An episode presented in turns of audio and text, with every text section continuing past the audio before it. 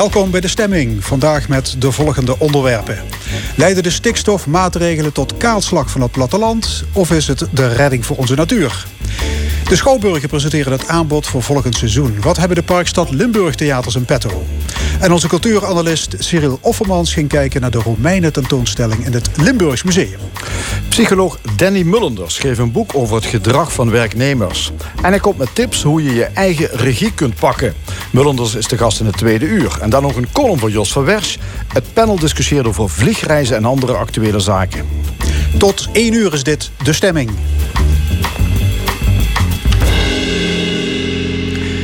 Veel heftigheid deze week over stikstof. De snoeiharde plannen van het kabinet om de uitstoot met 50% terug te dringen stuiten op veel verzet.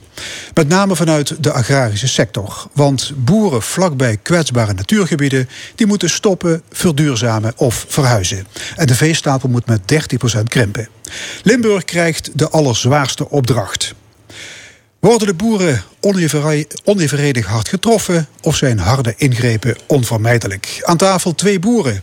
John Jansen, voorzitter van Biologisch Limburg... en Thijs Rompelberg, vicevoorzitter van de LLTB. Goedemorgen. En Thijs Rompelberg, zelf ook melkveehouder in IJsden. Ja, dat klopt. Ja. Uh, ja, ongetwijfeld heeft u de laatste dagen erg gepiekerd over de gevolgen die die stikstofreductie kan hebben. Voor uw eigen bedrijf, hoe zit dat? Ik heb een melkveebedrijf hier eh, in IJsden, vlakbij eh, Natura 2000 gebied, het Savelsbos. En uiteraard al deze plannen die zorgen voor behoorlijke onzekerheid over de toekomstplannen voor ons bedrijf. Ik heb zelf, ben zelf nog relatief jong. Maar ook mijn jongere broer die wil in het bedrijf komen. En wij zijn ook plannen aan het maken voor ons bedrijf te verduurzamen. Maar met dit soort ja, beleid wat om ons afkomt, vraag je je wel af welk perspectief is er nog voor, voor onze sector en ook voor ons bedrijf. En dat is, maakt wel dat je daar toch wel behoorlijk over na moet denken. Hoeveel koeien heeft u? We hebben nu rond de 300 melkkoeien. En die lopen eh, ja, rond die Natura 2000 gebieden. Dat grenst echt gewoon aan die natuurgebieden. Ja, het bedrijf ligt uh, ongeveer 500 meter uh, van het Natura 2000 gebied. Dus onze percelen liggen eigenlijk tussen het Natura ja, rondom het gebied. Ja, dat betekent daar moet een reductie van hoeveel procent bereikt worden van stikstofuitstoot? Nou, als we naar Zuid-Limburg kijken, en dus ook waar ik zit, hebben ze gezegd, we hebben nu een zoneringsbeleid. En dat betekent eigenlijk dat er gezegd is... in een straal van 1 kilometer rondom Natura 2000 gebieden... moet er dus een 70% eh, reductie plaatsvinden. En in de gebieden zelfs 95%.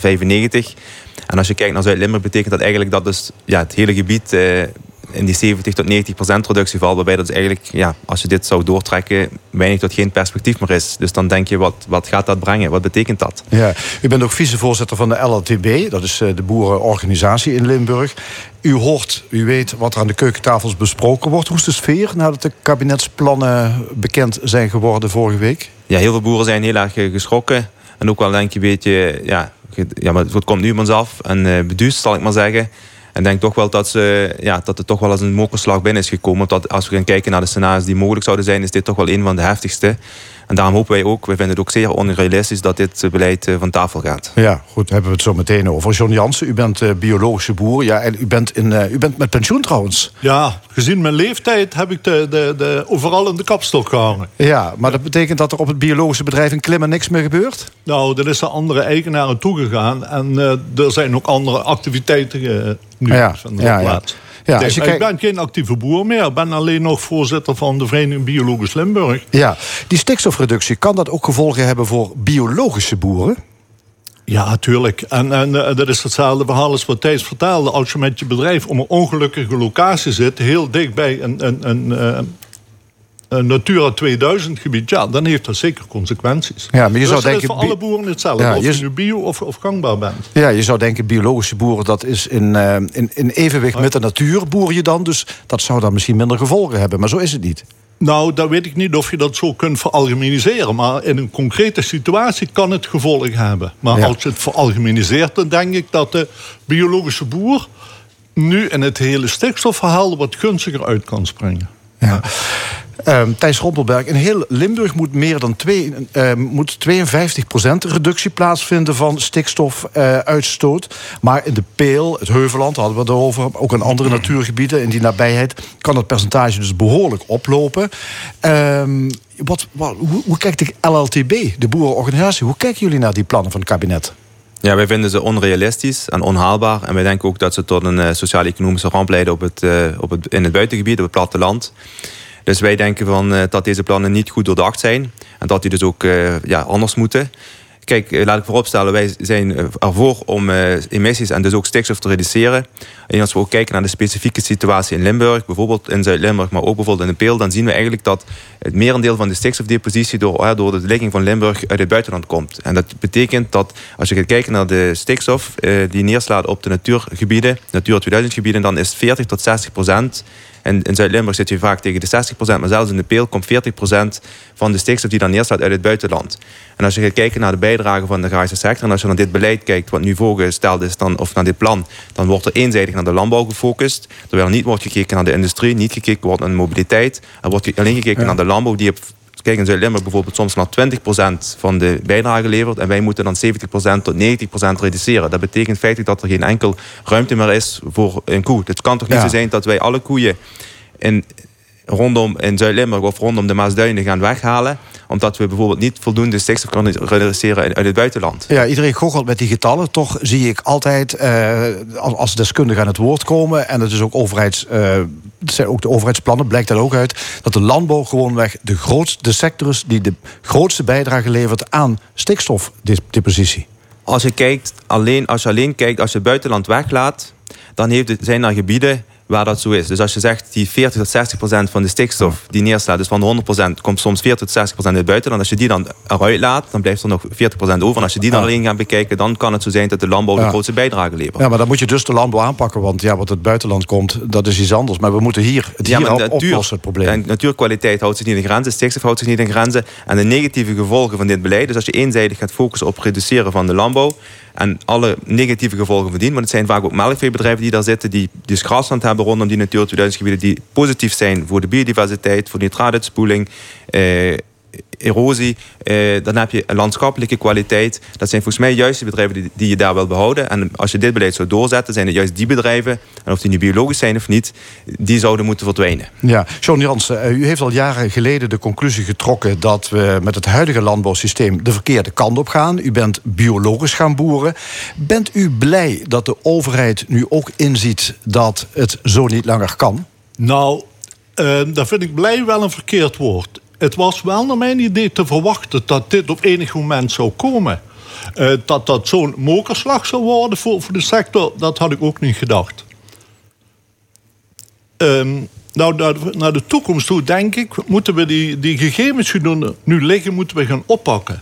We moeten niet uh, blijven praten, want dat kan niet en de cijfers kloppen niet en er moeten nieuwe onderzoeken komen. Daar ben ik geen voorstander van. We moeten nu als sector niet op de tractor stappen en naar Den Haag of naar de Veluwe rijden. We moeten nu met elkaar in gesprek gaan. We moeten elkaar om een boerenerf treffen op een gebied, in een gebied.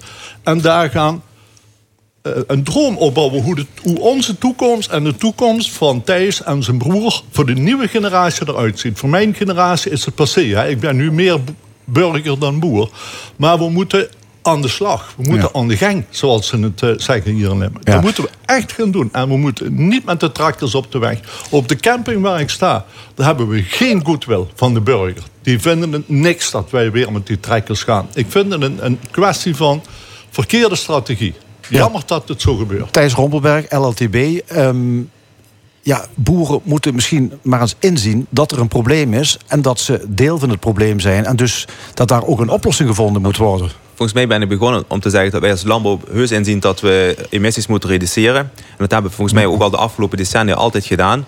Eh, en behoorlijke reducties zijn er al eh, plaatsgevonden. Alleen wat we nu zien is dat eenzijdig op de landbouw wordt gefocust. En wij zeggen, we moeten integraal kijken. En als ik dan kijk wat, uh, wat John net zegt, dan is dat eigenlijk wat wij ook bepleit vinden in de LTB. Als we straks de gebiedsprocessen ingaan, dan moeten we goed kijken naar alle factoren. Dus niet alleen naar de stikstofreductie en de natuur, maar ook naar de sociaal-economische gevolgen, naar de leverheid van het gebied. En als we al die factoren meenemen, dan moeten we een integrale afweging maken. En ik denk dat je dan tot een andere afweging komt dan het beleid wat nu wordt ingezet van goh, we doen maar die landbouw fors inkrimpen en dan is het probleem opgelost. Ja, maar kon Jan Jansen ook zeggen, eigenlijk doe je die boeren misschien helemaal geen goed als je blijft ontkennen dat ze het probleem veroorzaken. Want je houdt ze misschien uh, een worst voor, maar nou, die, die, die, die, die zullen ze nooit bereiken.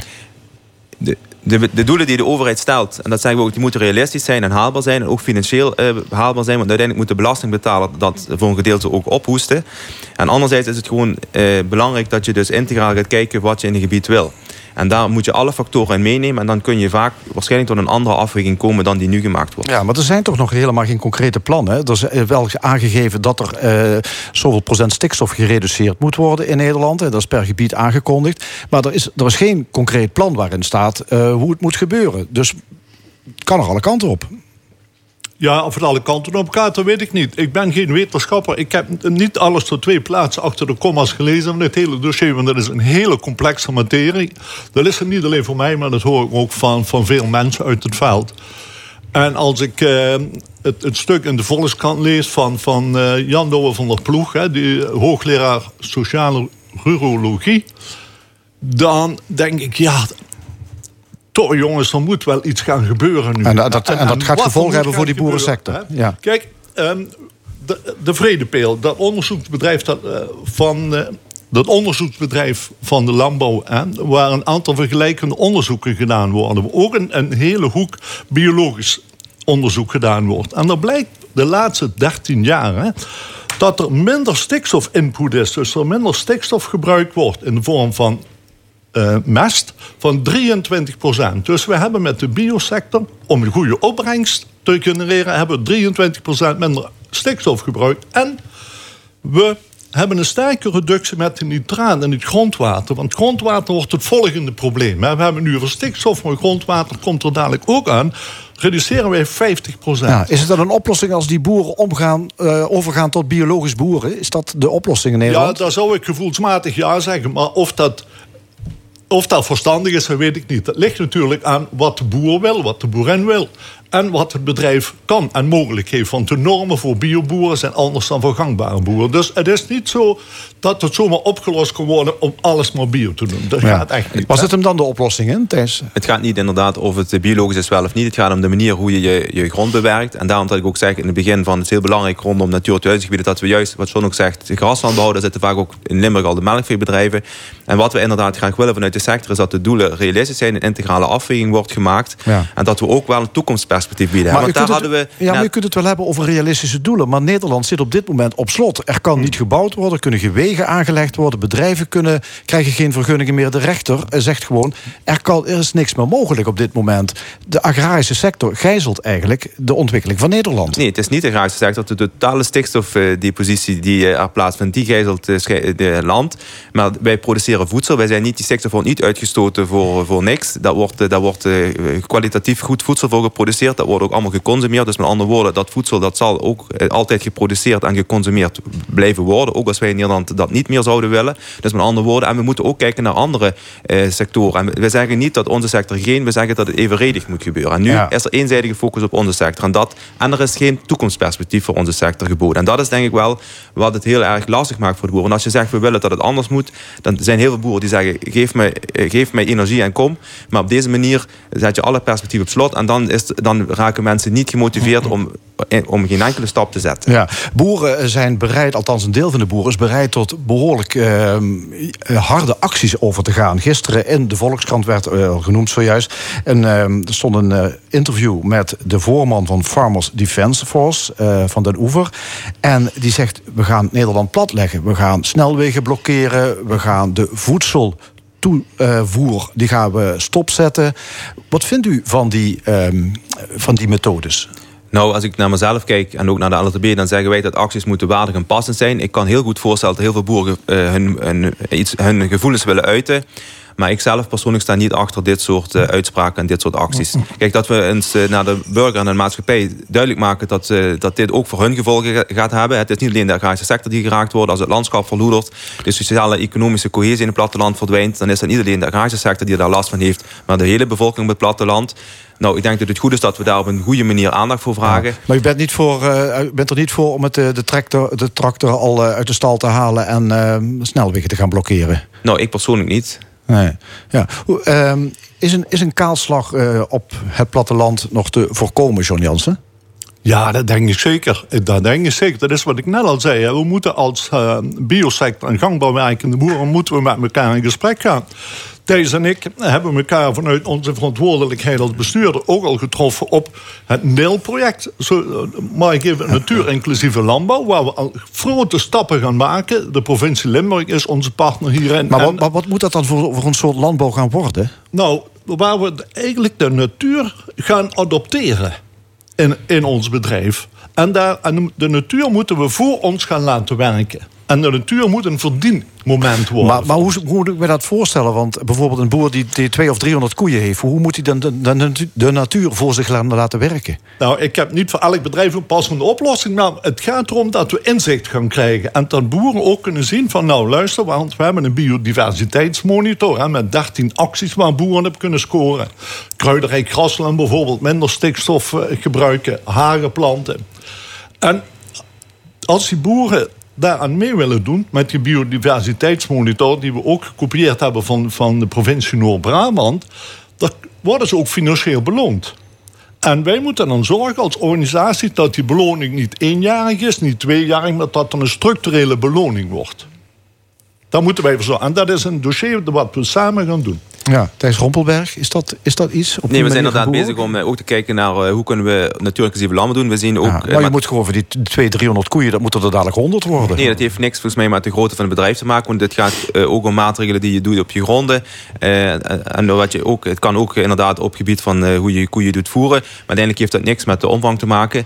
het gaat uiteindelijk erom welke maatregelen je treft en wat dat bijdraagt. Of welke, aan de biodiversiteit of op, op natuur- of landschapsdoelen. En daar zijn we nu in de ontwikkelfase. Maar dat is wel ook waarom ik zeg van er is geen perspectief geboden. Er wordt ook in de brief gezegd, we moeten eh, rondom die Natuur 2000 gebieden zou misschien de mogelijkheid zijn om meer natuurinclusief te werken.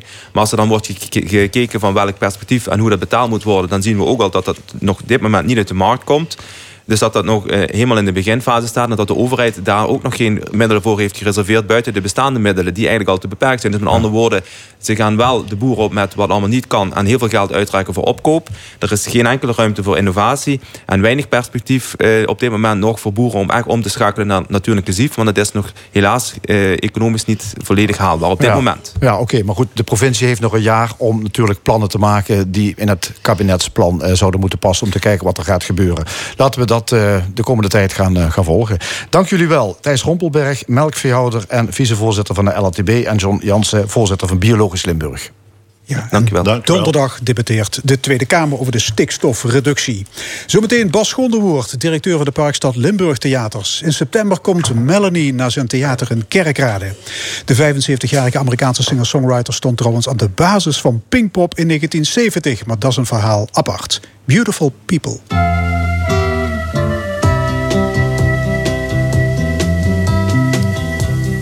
Beautiful people. You live in the same world as I do, but somehow I never noticed you before today. I'm ashamed to say, beautiful people. We share the same back door it isn't right. We never met before, but then we may never meet again. If I weren't afraid you'd laugh at me, I would run and take all of your hands and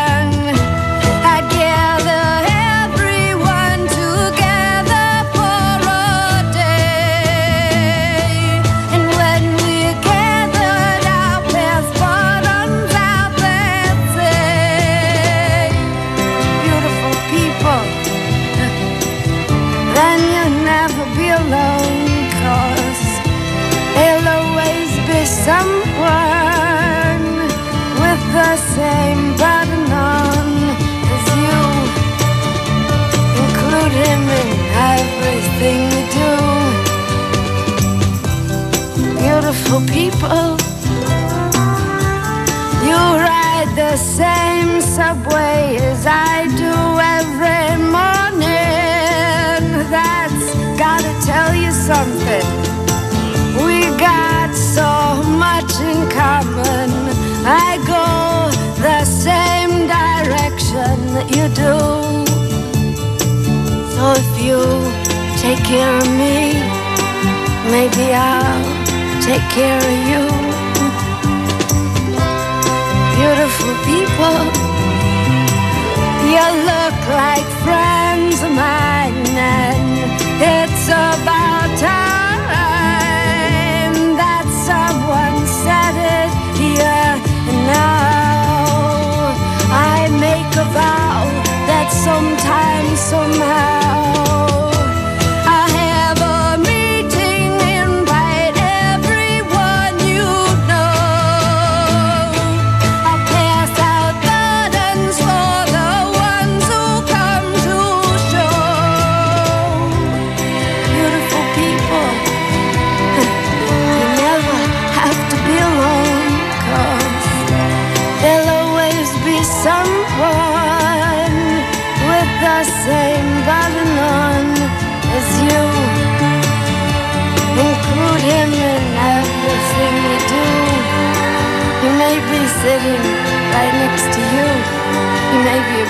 A beautiful people too. And if you take care of him, well, then maybe he'll take care of you. Cause all of the beautiful people do. And all the beautiful people Beautiful People van Melanie. Hier op L1 in De Stemming. Op 20 september staat Melanie overigens in het Parkstadtheater in Kerkrade. En dat staat in de brochure met de programmering van het nieuwe theaterseizoen. Dat is namelijk de tijd hier nu weer waarin die boekjes worden gepresenteerd. Wat hebben de Parkstad Limburg theaters te bieden?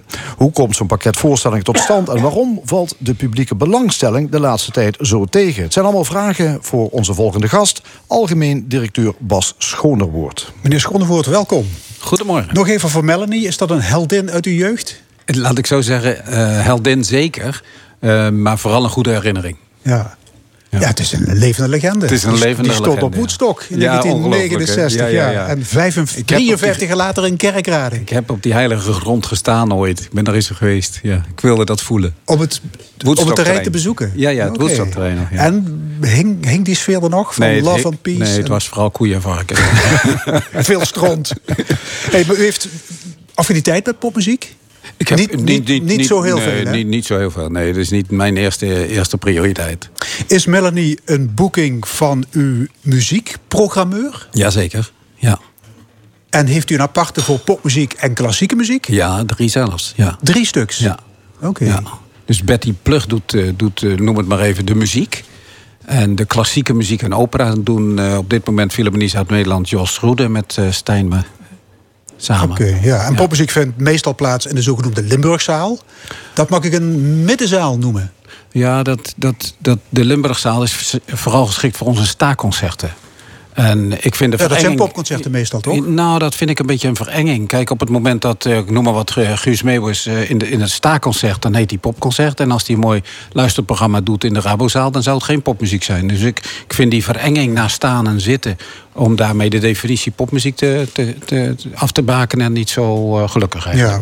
Nu is onlangs in Heerlen dat nieuwe poppodium geopend. De Nieuwe Nog, met een capaciteit van 750 bezoekers. Is dat een concurrent van jullie? Nee, in tegendeel. Dat is er vooral eentje die ervoor zorgt dat wij een nog grotere geschakeerdheid van zalen krijgen. waarbij je de kunstenaar de beste plek kan geven. Hoe bedoelt u? Nou, zoals Melanie, eh, toen zij pas begon, was zij vooral geschikt als, als iemand die een heel klein zaaltje nodig had. Om, om noem het maar even, als singer-songwriter als ware, te kunnen overtuigen in die zaal. Gaande de rit is zij erin geslaagd om ook op Woodstock en later ook in die grotere zalen natuurlijk te kunnen overtuigen. Nee, maar bedoel, de Nieuwe Nog en de Limburgzaal is ongeveer van gelijk, van gelijk Nee, nee, niveau nee, nee, Voor een kunstenaar maakt het nogal wat uit hoor. Of je 700 mensen voor je neus hebt staan en een enorme ruimte. Of een nog grotere ruimte eh, voor 1500 mensen. Of je staat op Pinkpop. Dat maakt nogal wat uit in je Hmm. Ja. performance. En ja. bovendien is de Nieuwe Nog ook meer gericht op de wat modernere stromingen. En jullie boeken vooral Nee. tribute bands aan oude meuk. Ja, zo zou je het kunnen zeggen. Maar dat is toch niet helemaal waar. Ook met, eh, juist ook samen met eh, de Nieuwe Noor... doen we de oude meuk zowel daar als hier. Omdat die oude meuk is een beetje een negatieve term... naar hele mooie muziek uit het verleden. Maar is natuurlijk wel, de, de, laat me zeggen, de, de grootste schoonheid... die toen heerste en die we nog steeds van belang vinden. En dat doen we inderdaad samen met, met de Nieuwe Noord. Het Ja. is niet zo dat zij nieuw en wij oud, of wij oud en zij nieuw. Dat, dat, dat nieuw en oud, dat gaat tegenwoordig. Als je nu naar Pinkpop gaat, zie je dat het ook door elkaar heen Ja. gaat. Omdat de muziek natuurlijk eeuwig is.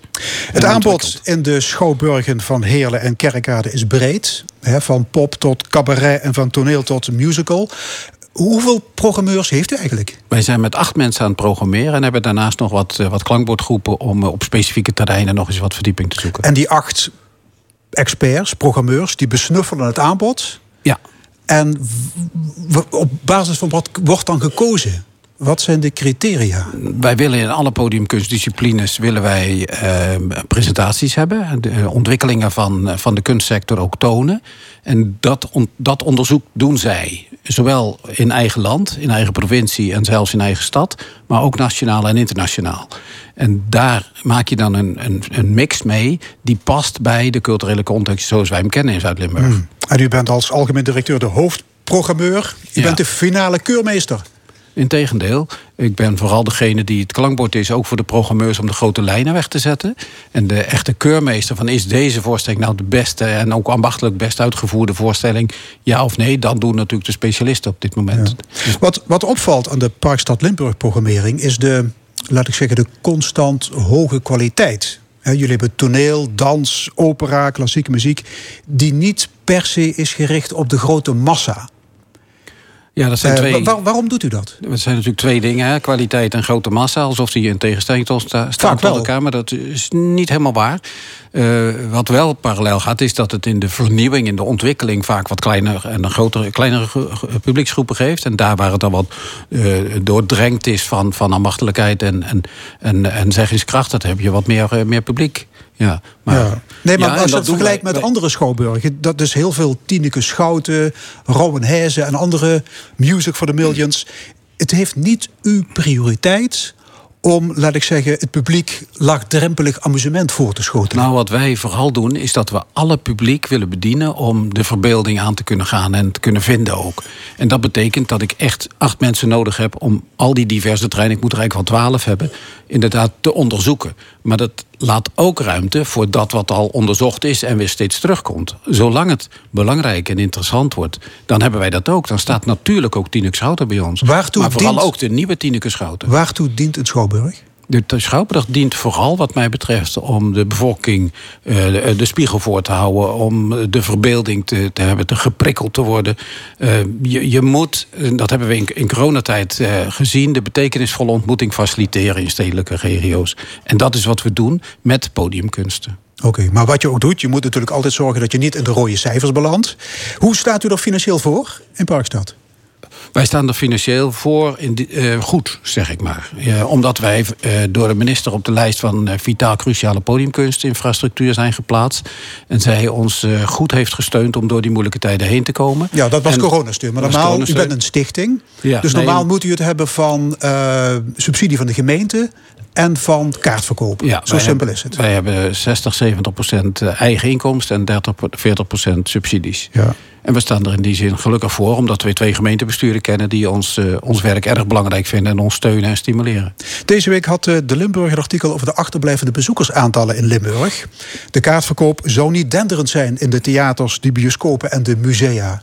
Wat merkt u daarvan? De kaartverkoop is iets minder dan voorheen, maar wat wij vooral zien in de zalen is dat ze nog niet vol zijn. En dat heeft te maken met het feit dat we normaal gesproken anderhalf jaar van tevoren bezig zijn met voorverkoop om een voorstelling inderdaad vol te krijgen. En dat hebben we nu pas kunnen doen vanaf 26 maart, namelijk het, eh, de laatste sluiting van de, van de lockdown. En dat hebben we gemist. We verkopen op dit moment twee keer zoveel kaarten dan normaal gesproken in deze periode van het jaar. Dus er is geen reden tot pessimisme, als ik Er het is goed geen begrijp. reden voor pessimisten. De honger naar podiumkunst is groot. De, de honger naar betekenisvolle ontmoeting is groot. Maar we hebben nog wel wat in te halen. Ja. Meneer Schonderwoord, een paar jaar geleden heeft u gepleit voor een fusie van de drie Zuid-Limburgse schouwburgen, Parkstad, Maastricht, Sittard, Geleen. Dat zou de derde culturele hotspot van Nederland opleveren. Wat is daar de meerwaarde van? Ik heb niet gepleit voor fusie. Dat is in mijn mond gelegd. Dat is niet juist. Ik heb gepleit voor meer samenwerking. En vooral onze stedelijke regio te zien als één stedelijk cultureel gebied. Waar je inderdaad veel beter eh 1 en 1 is 2 kan doen. Oké, maar Dus toch ook, onder één, is meer toch dan ook geel. toch onder één bestuurlijk gezag? Of? Het zou zo moeten zijn dat je dat onder één bestuurlijk gezag het beste kan doen. Ja. Maar als je een andere Maar vorm dat is, kan toch een, dat is toch een fusie?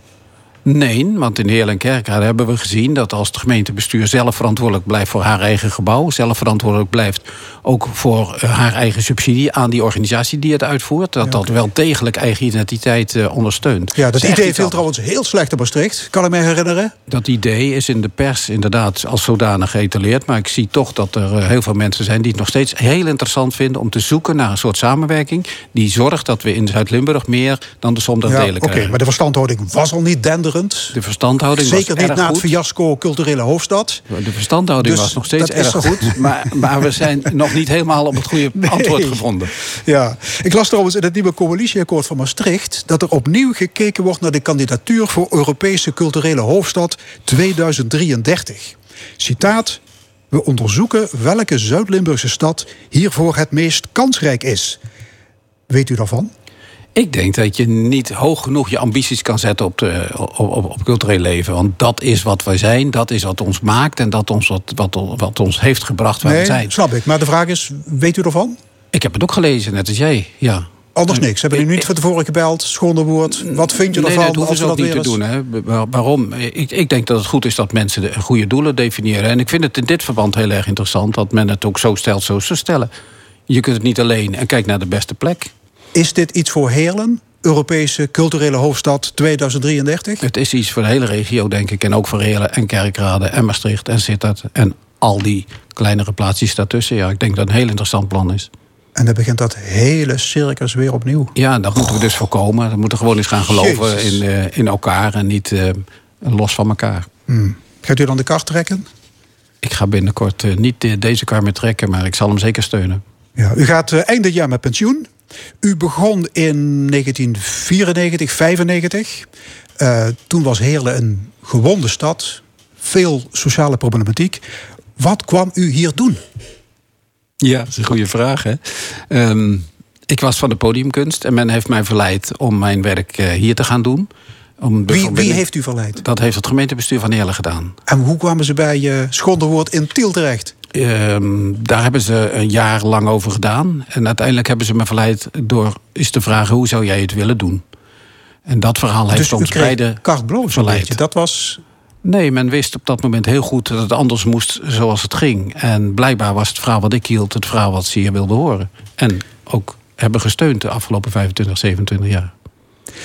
Is kunst en cultuur ehm, een middel om een verpauperd stedelijk gebied weer kleur op de wangen te geven? Het enige echte middel. Als je echt aan jezelf wil werken, dan moet je aan je cultuur werken. Pas dan krijg je een krachtige samenleving en een beter stedelijk leven. En ja, dan moeten nog een heleboel andere dingen ook gebeuren. Maar cultuur is dat wat ons verhoudt tot elkaar. En als we ons goed tot elkaar verhouden, dan is er meer hoop voor de toekomst. En dan gaat ook die verpaupering aangepakt moeten worden, want dan voelen we ons daar ook verantwoordelijk voor. Ja, er wordt al heel lang gesproken over de culturele lente in, in Heerlen. Ja. Hoe, hoe is het daarmee? Is hij nog altijd aan de gang? Of is het al bijna zomer? Of hoe moet je ja, dat zien? Die, die lente veronderstelt het dat, dat er iets eindigs is aan een bepaalde periode. Nee, de lente betekent vooral dat, dat er eh, pit in de, in de gemeenschap zit. En die pit die zit er nog steeds heel erg in. Het bruist in de stad en het bruist gelukkig ook in, meer en meer in Zuid-Limburg ook. En dat is denk ik eh, wat, wat in feite de metafoor voor die lente is. U wilt trouwens niks weten van uw pensionering. Ehm, ziet u op tegen het afscheid na 27 jaren? Ook voor de duidelijkheid, ik wil alles weten van mijn pensionering, maar ik ben er nog niet zo mee bezig. Het is, heeft nog minstens een half jaar te gaan. Ik heb nog heel veel te doen Ja. in het theater in die zes maanden, zeven maanden. Dus u schuift dat ook een beetje, een beetje weg. Ik vind het zonde van mijn tijd om, eh, om niet alles te zetten op waar ik voor ingehuurd ben. En Ja. dat is namelijk cultureel leven aan te meren. Maar u bent nu iedere avond in het theater. Straks lekker, lekker thuis op de bank. Ja, of misschien ook wel in het theater. Een hele leuke plek om te zijn. Hoor. Ja. Hey, tot slot, welke drie voorstellingen uit dat veelzijdige aanbod zou u eruit willen lichten? Ja, Waar ja. wilt u de aandacht op vestigen? Noem eens drie dingen. Ik, heb, je, hebt, je hebt het van tevoren aan me gevraagd, dus ik heb er inderdaad even drie uitgehaald. Charlie and the Chocolate Factory. Een nieuwe vertaling van Thomas Verluin. Fantastisch. dat. Gebaseerd op dat boek van... eh, Ja, ja, Roald Dahl, natuurlijk. Het is een heerlijk, heerlijk stuk. Dat is nummer één. Nummer twee is, de, het Concertgebouworkest komt weer. Het eh, London Philharmonic komt weer. En Jaap van Zweden komt weer. Die series, topklassiek. Het is ongekend. Hoe dat krijgt dat u uit- dit soort toporkesten in Heerlen of Kerkrade? Nou ja, dat is, dat is inderdaad 20, 30 jaar lang er hard aan werken. En zorgen dat de condities zo zijn dat ze ook graag bij je komen spelen. En dat is, dat is gelukt. En ik ben heel blij dat, die, dat ook die serie eh, eh, eh, ehm, orkesten bij ons komen optreden. Naast overigens ons huisorkest natuurlijk Philharmonie Ja. Zuid-Nederland. Goed, en dan nummer, nummer drie. Nummer drie is, dat is echt, echt zoiets moois. Dat is ehm, De Eeuw van Mijn Moeder. Een, eh, in de regie van Erik de Vroet, die het verhaal van zijn moeder vertelt... die op achtjarige leeftijd uit In- Indonesië naar Nederland komt... en wat dat met haar gedaan heeft. Prachtig ontvangen voorstelling. Een hit van de eerste orde. En die gaat als toneelmarathon in oktober. De in Eeuw van Mijn Moeder. De eeuw van mijn moeder. We hebben daarover voorafgaand, de week daarvoor, voorafgaand eraan al een, een samenspraak met Geert Mak, die de, de, de eeuw van, van en eh, Europa ook schreef. Maar nu gaan ze samen de eeuw van onze ouders bespreken. Rete interessant. Reet interessant. Bas Schoonderwoord, algemeen directeur van de Parkstad Limburg Theaters. Hartelijk dank. Dankjewel, jongens. Ja, en wij hebben trouwens ook nog even gegrasduind in de nieuwe brochure van jullie, hè, Parkstad Limburg Theaters. 25 september, eh, daar komen de Zombies. Eh, ja, een Engelse band die al in de jaren 60 actief was, maar ja, ze staan nog steeds op het podium. Wij kozen voor Time of the Season. Dankjewel.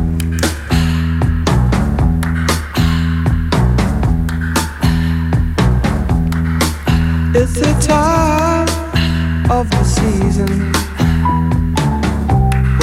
love runs high.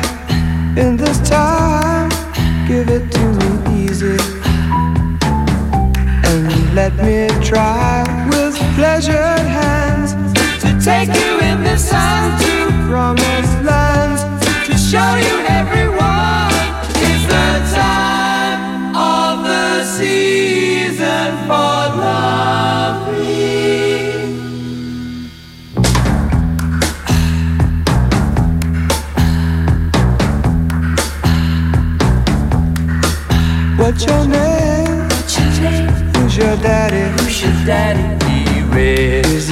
like me as he take her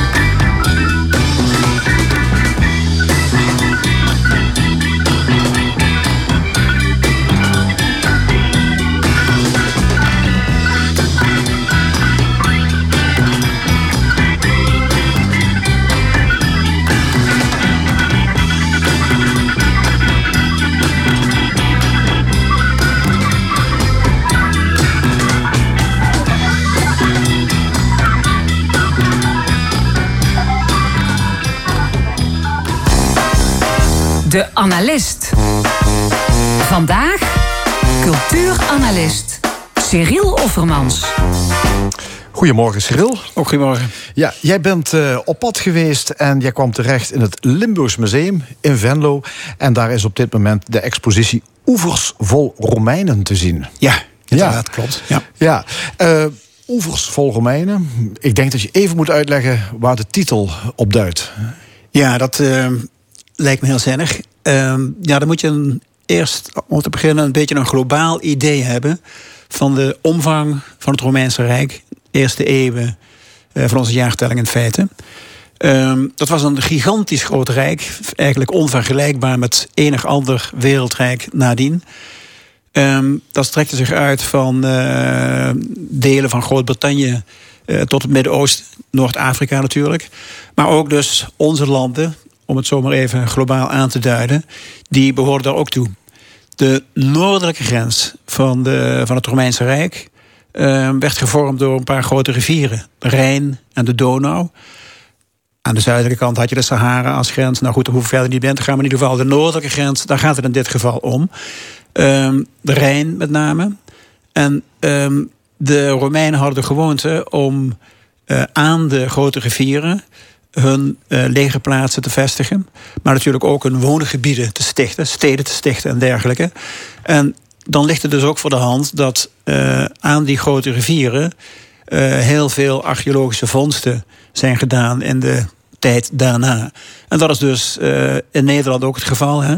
En met name in de gebieden vanaf de monding, of, de, of de, het, het, de plekken waar de Rijn en de Noordzee uit, uitloopt.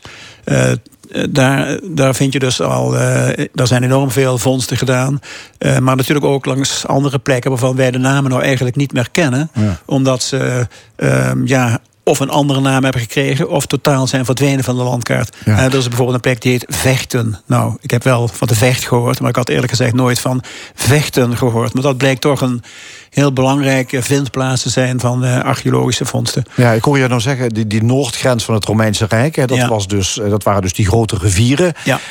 Um, maar dit is een expositie in het Limburgs Museum. Je zou ja. denken, dat ligt eigenlijk dat hoort dan niet tot Limburg. Hè? Maar toch kiezen ze voor deze expositie. Ja, ja nou, um, het is ook een expositie die natuurlijk niet alleen uh, is samengesteld met vondsten uit de gebieden in de directe omgeving.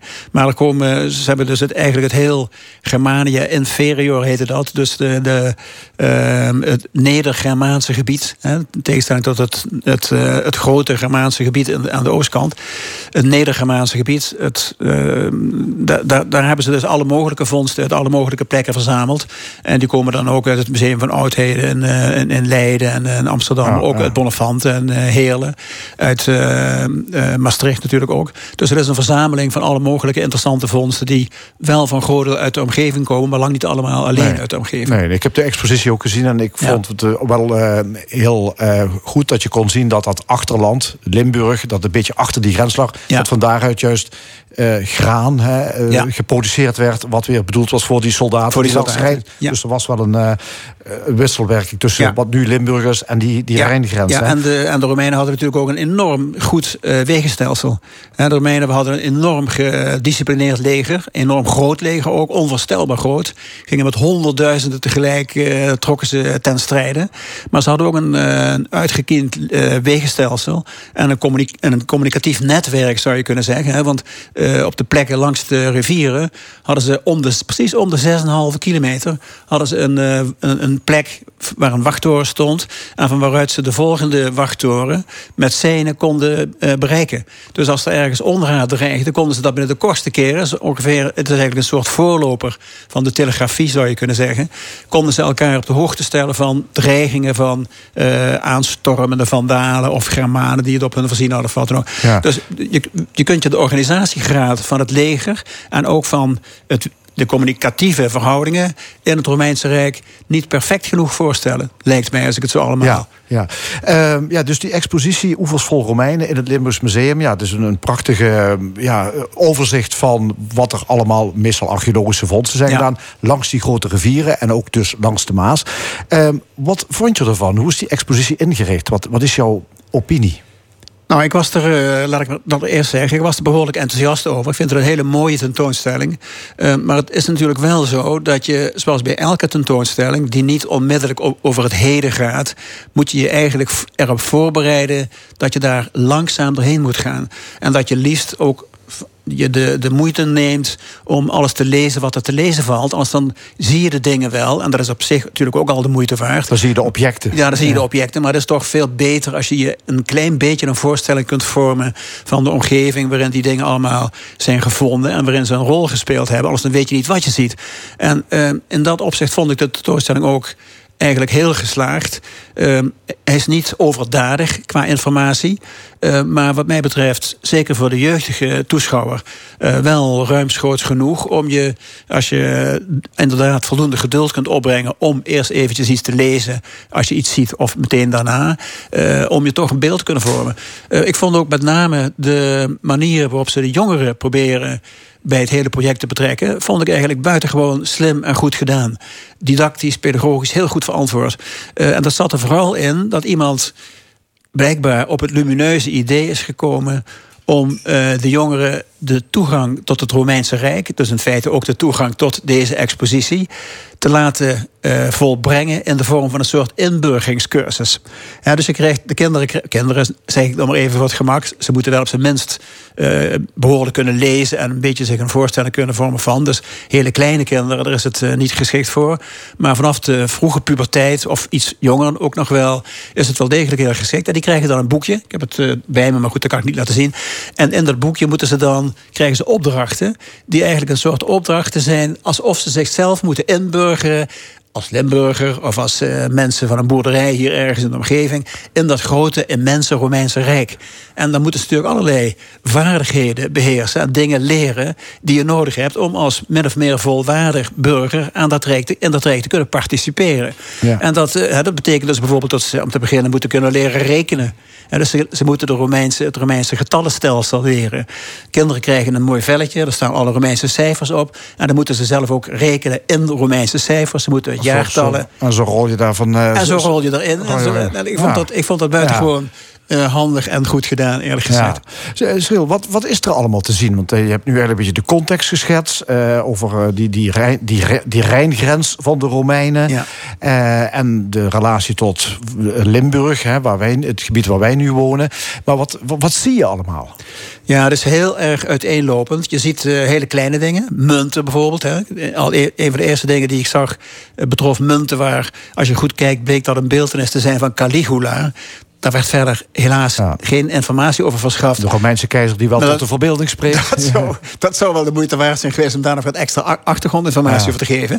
Want dat was, zoals jullie waarschijnlijk weten, um, net als Nero, een van de meest vrede keizers die ooit geleefd hebben. Ook een van de meest bizarre keizers trouwens, die de meest gekke dingen deed. Hè. Uh, hij, ging met, hij trok met grote legers naar het kanaal met de intentie om uh, Bretagne te gaan veroveren. Maar bleek toen, toen hij bij het kanaal stond, niet verder te durven. En toen gaf hij de soldaten de opdracht om schelpen te gaan verzamelen. En die nam die als buit van de, van de, van de oceaan, de geschenk van de oceaan, oh. mee naar Rome. En dan ging hij daar grote sier mee maken. Oh. Maar dat, dat, is nog een onschuldig vorm van gekte. Maar je had ook alle mogelijke minder prettige kanten van gekte. Ja, dus uh, hij was zo vrede als het maar zijn kon.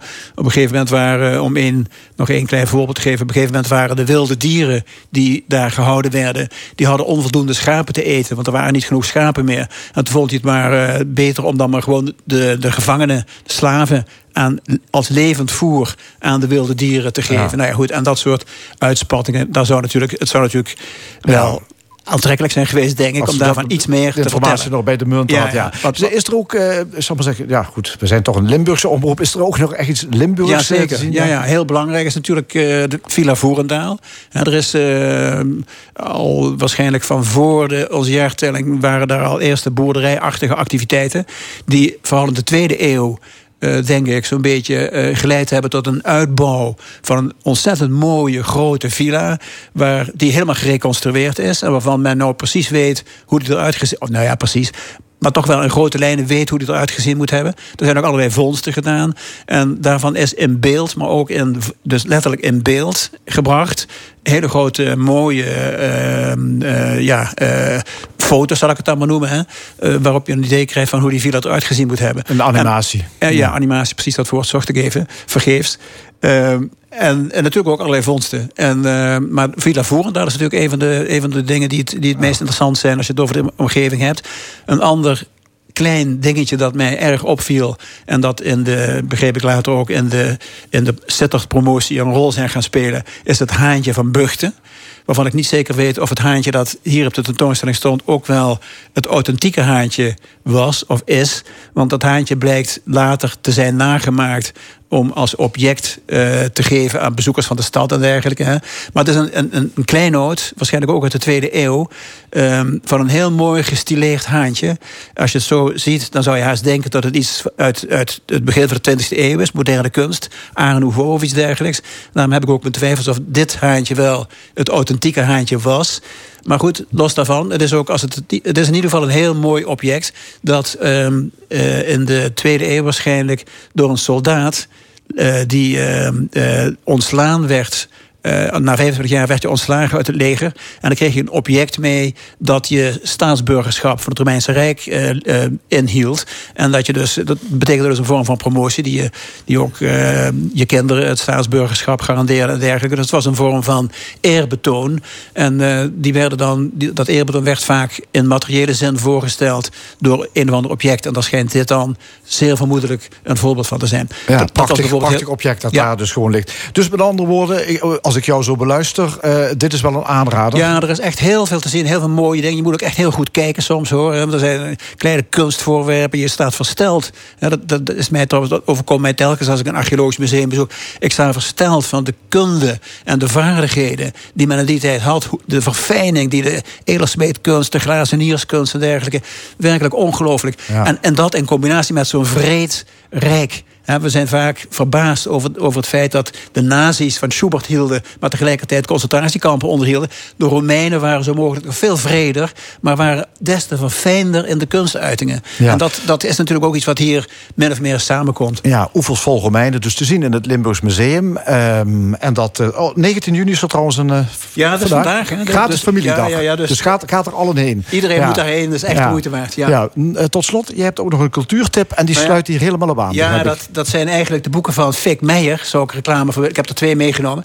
Maar uh, de boeken van Fik Meijer zijn, uh, die sluiten heel mooi aan op, die, uh, ja, op eigenlijk alles wat met, met de Romeinse tijd te maken heeft. Hij heeft een hele boekenkast volgeschreven. wat ik net zo verteld heb over Caligula, dat haal ik uit het boek Keizers sterven niet in bed aan te bevelen. Dat is even zijn eerste boeken. Uh, dat gaat over alle Romeinse keizers die successievelijk behandeld worden. Ja. En waar de geschiedenis van verteld ah. wordt. En die andere? Uh, dit, is, uh, dit heet Macht zonder grenzen. Hij heeft een ander boek geschreven. Het gaat over Rome. Iedereen die ja. naar Rome gaat zou het moeten meenemen in zijn ransel. Nou ja, een boekenkast vol. Fik Meijer zou ik zeggen. Lees die man als je geïnteresseerd bent in het Romeinse en trouwens ook het Griekse. Ja, en dus uh, wil je iets van de Romeinen zien in Limburg en uh, langs de noordgrens van het Romeinse Rijk in der tijd. Oevers vol Romeinen, nu te zien in het Limburgs Museum in Venlo en uh, goedgekeurd door Cyril. Straks in de stemming psycholoog Danny Mullenders. Hij schreef het boek Laat je niet kiezen over zijn ervaringen als assessment-psycholoog. Over het wonderlijke gedrag van werknemers aan andere mensen. Verder de column, het discussiepanel en nog veel meer. Blijf luisteren. Tot zometeen.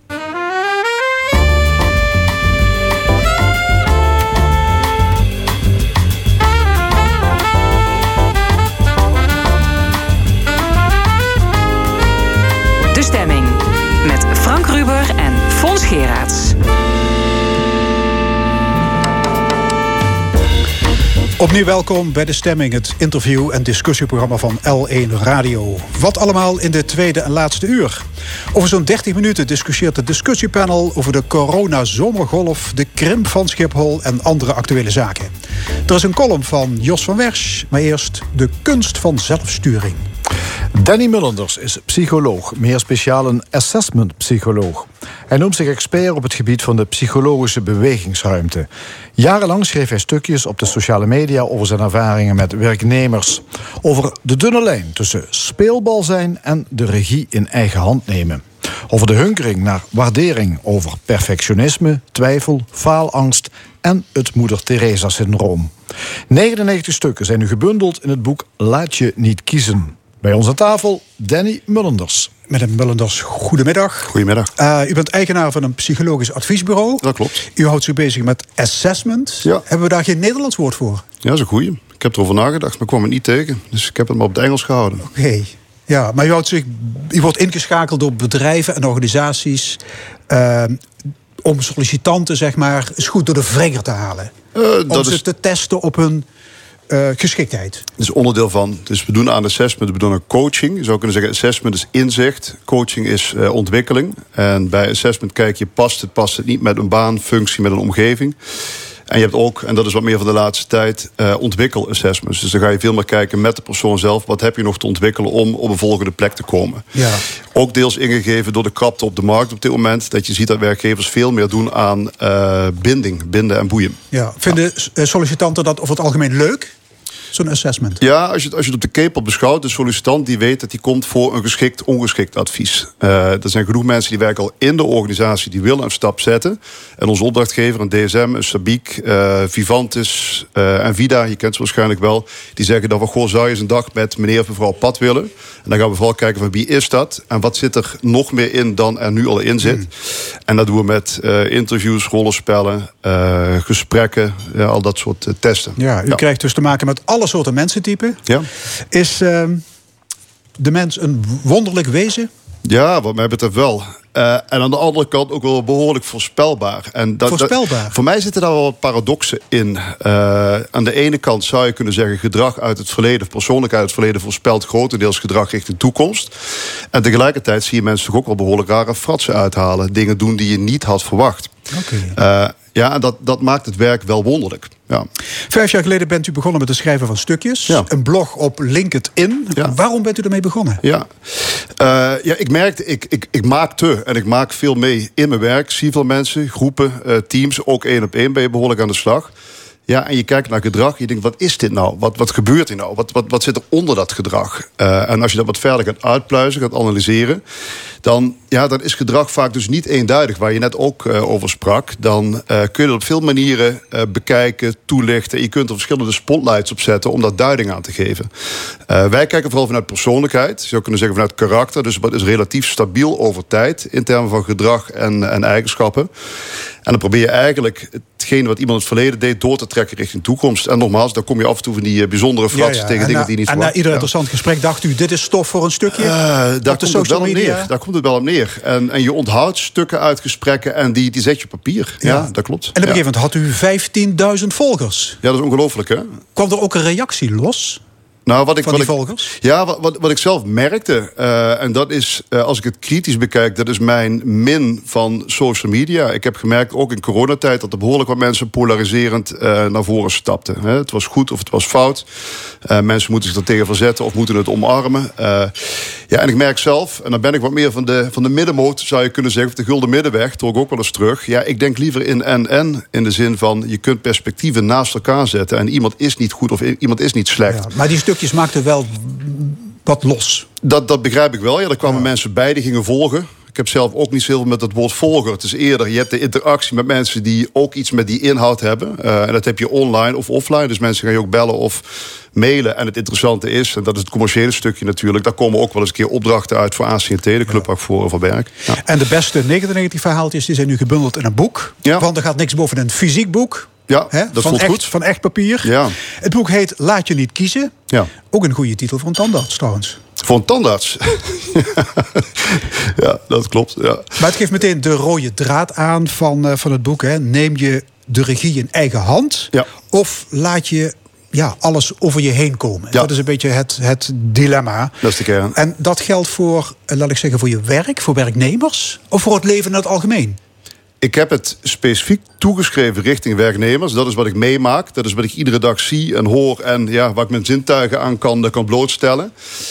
Tegelijkertijd, en ik wil wegblijven bij de wijze les en zeggen: dit is goed, dit is fout. Dat hoorde ik dat ook al zeggen. Ik ben wel van het en-en denken. Mhm. Maar probeer ik toch ook wel wat, wat ideeën mee te geven over uh, ja, hoe ik aankijk tegen mensen. En dan, eh, dan probeer je de mensen in zijn context te plaatsen. Dan heb je een baas, je hebt een, eh, een organisatie, maar ook nog breder. Je bent onderdeel van de, van de wereld om je heen. En hoe verhoud je tot alles wat er eh, om je heen gebeurt? Ja, u was Ja. 15, toen las u het boek De Zin van het Bestaan. Ja. Van een Oostenrijkse psychi- psychiater, een overlever van een concentratiekamp. En u werd getroffen door één zin uit het boek. Ja. Alles kan van een mens worden afgenomen, behalve één ding. Om je houding te kiezen tegenover alle mogelijke omstandigheden. Ja. Om je eigen weg te kiezen. Ja. Ja, Dat trof u Dat, dat, dat raakte. Eh, ik was 15. Eh, ja, op dat moment zit je ook in een, eh, in een soort van puberfase, wat ik me kan herinneren. En dan kun je ook wel een speelbal voelen van je eigen emoties, gevoelens. En tegelijkertijd alles wat er om je heen gebeurt. En ik zag mensen eigenlijk twee dingen doen. Ofwel, eh, men, ik zeg het even heel kritisch, nu hobbelde mee met de massa... of deed vooral wat de ander wilde.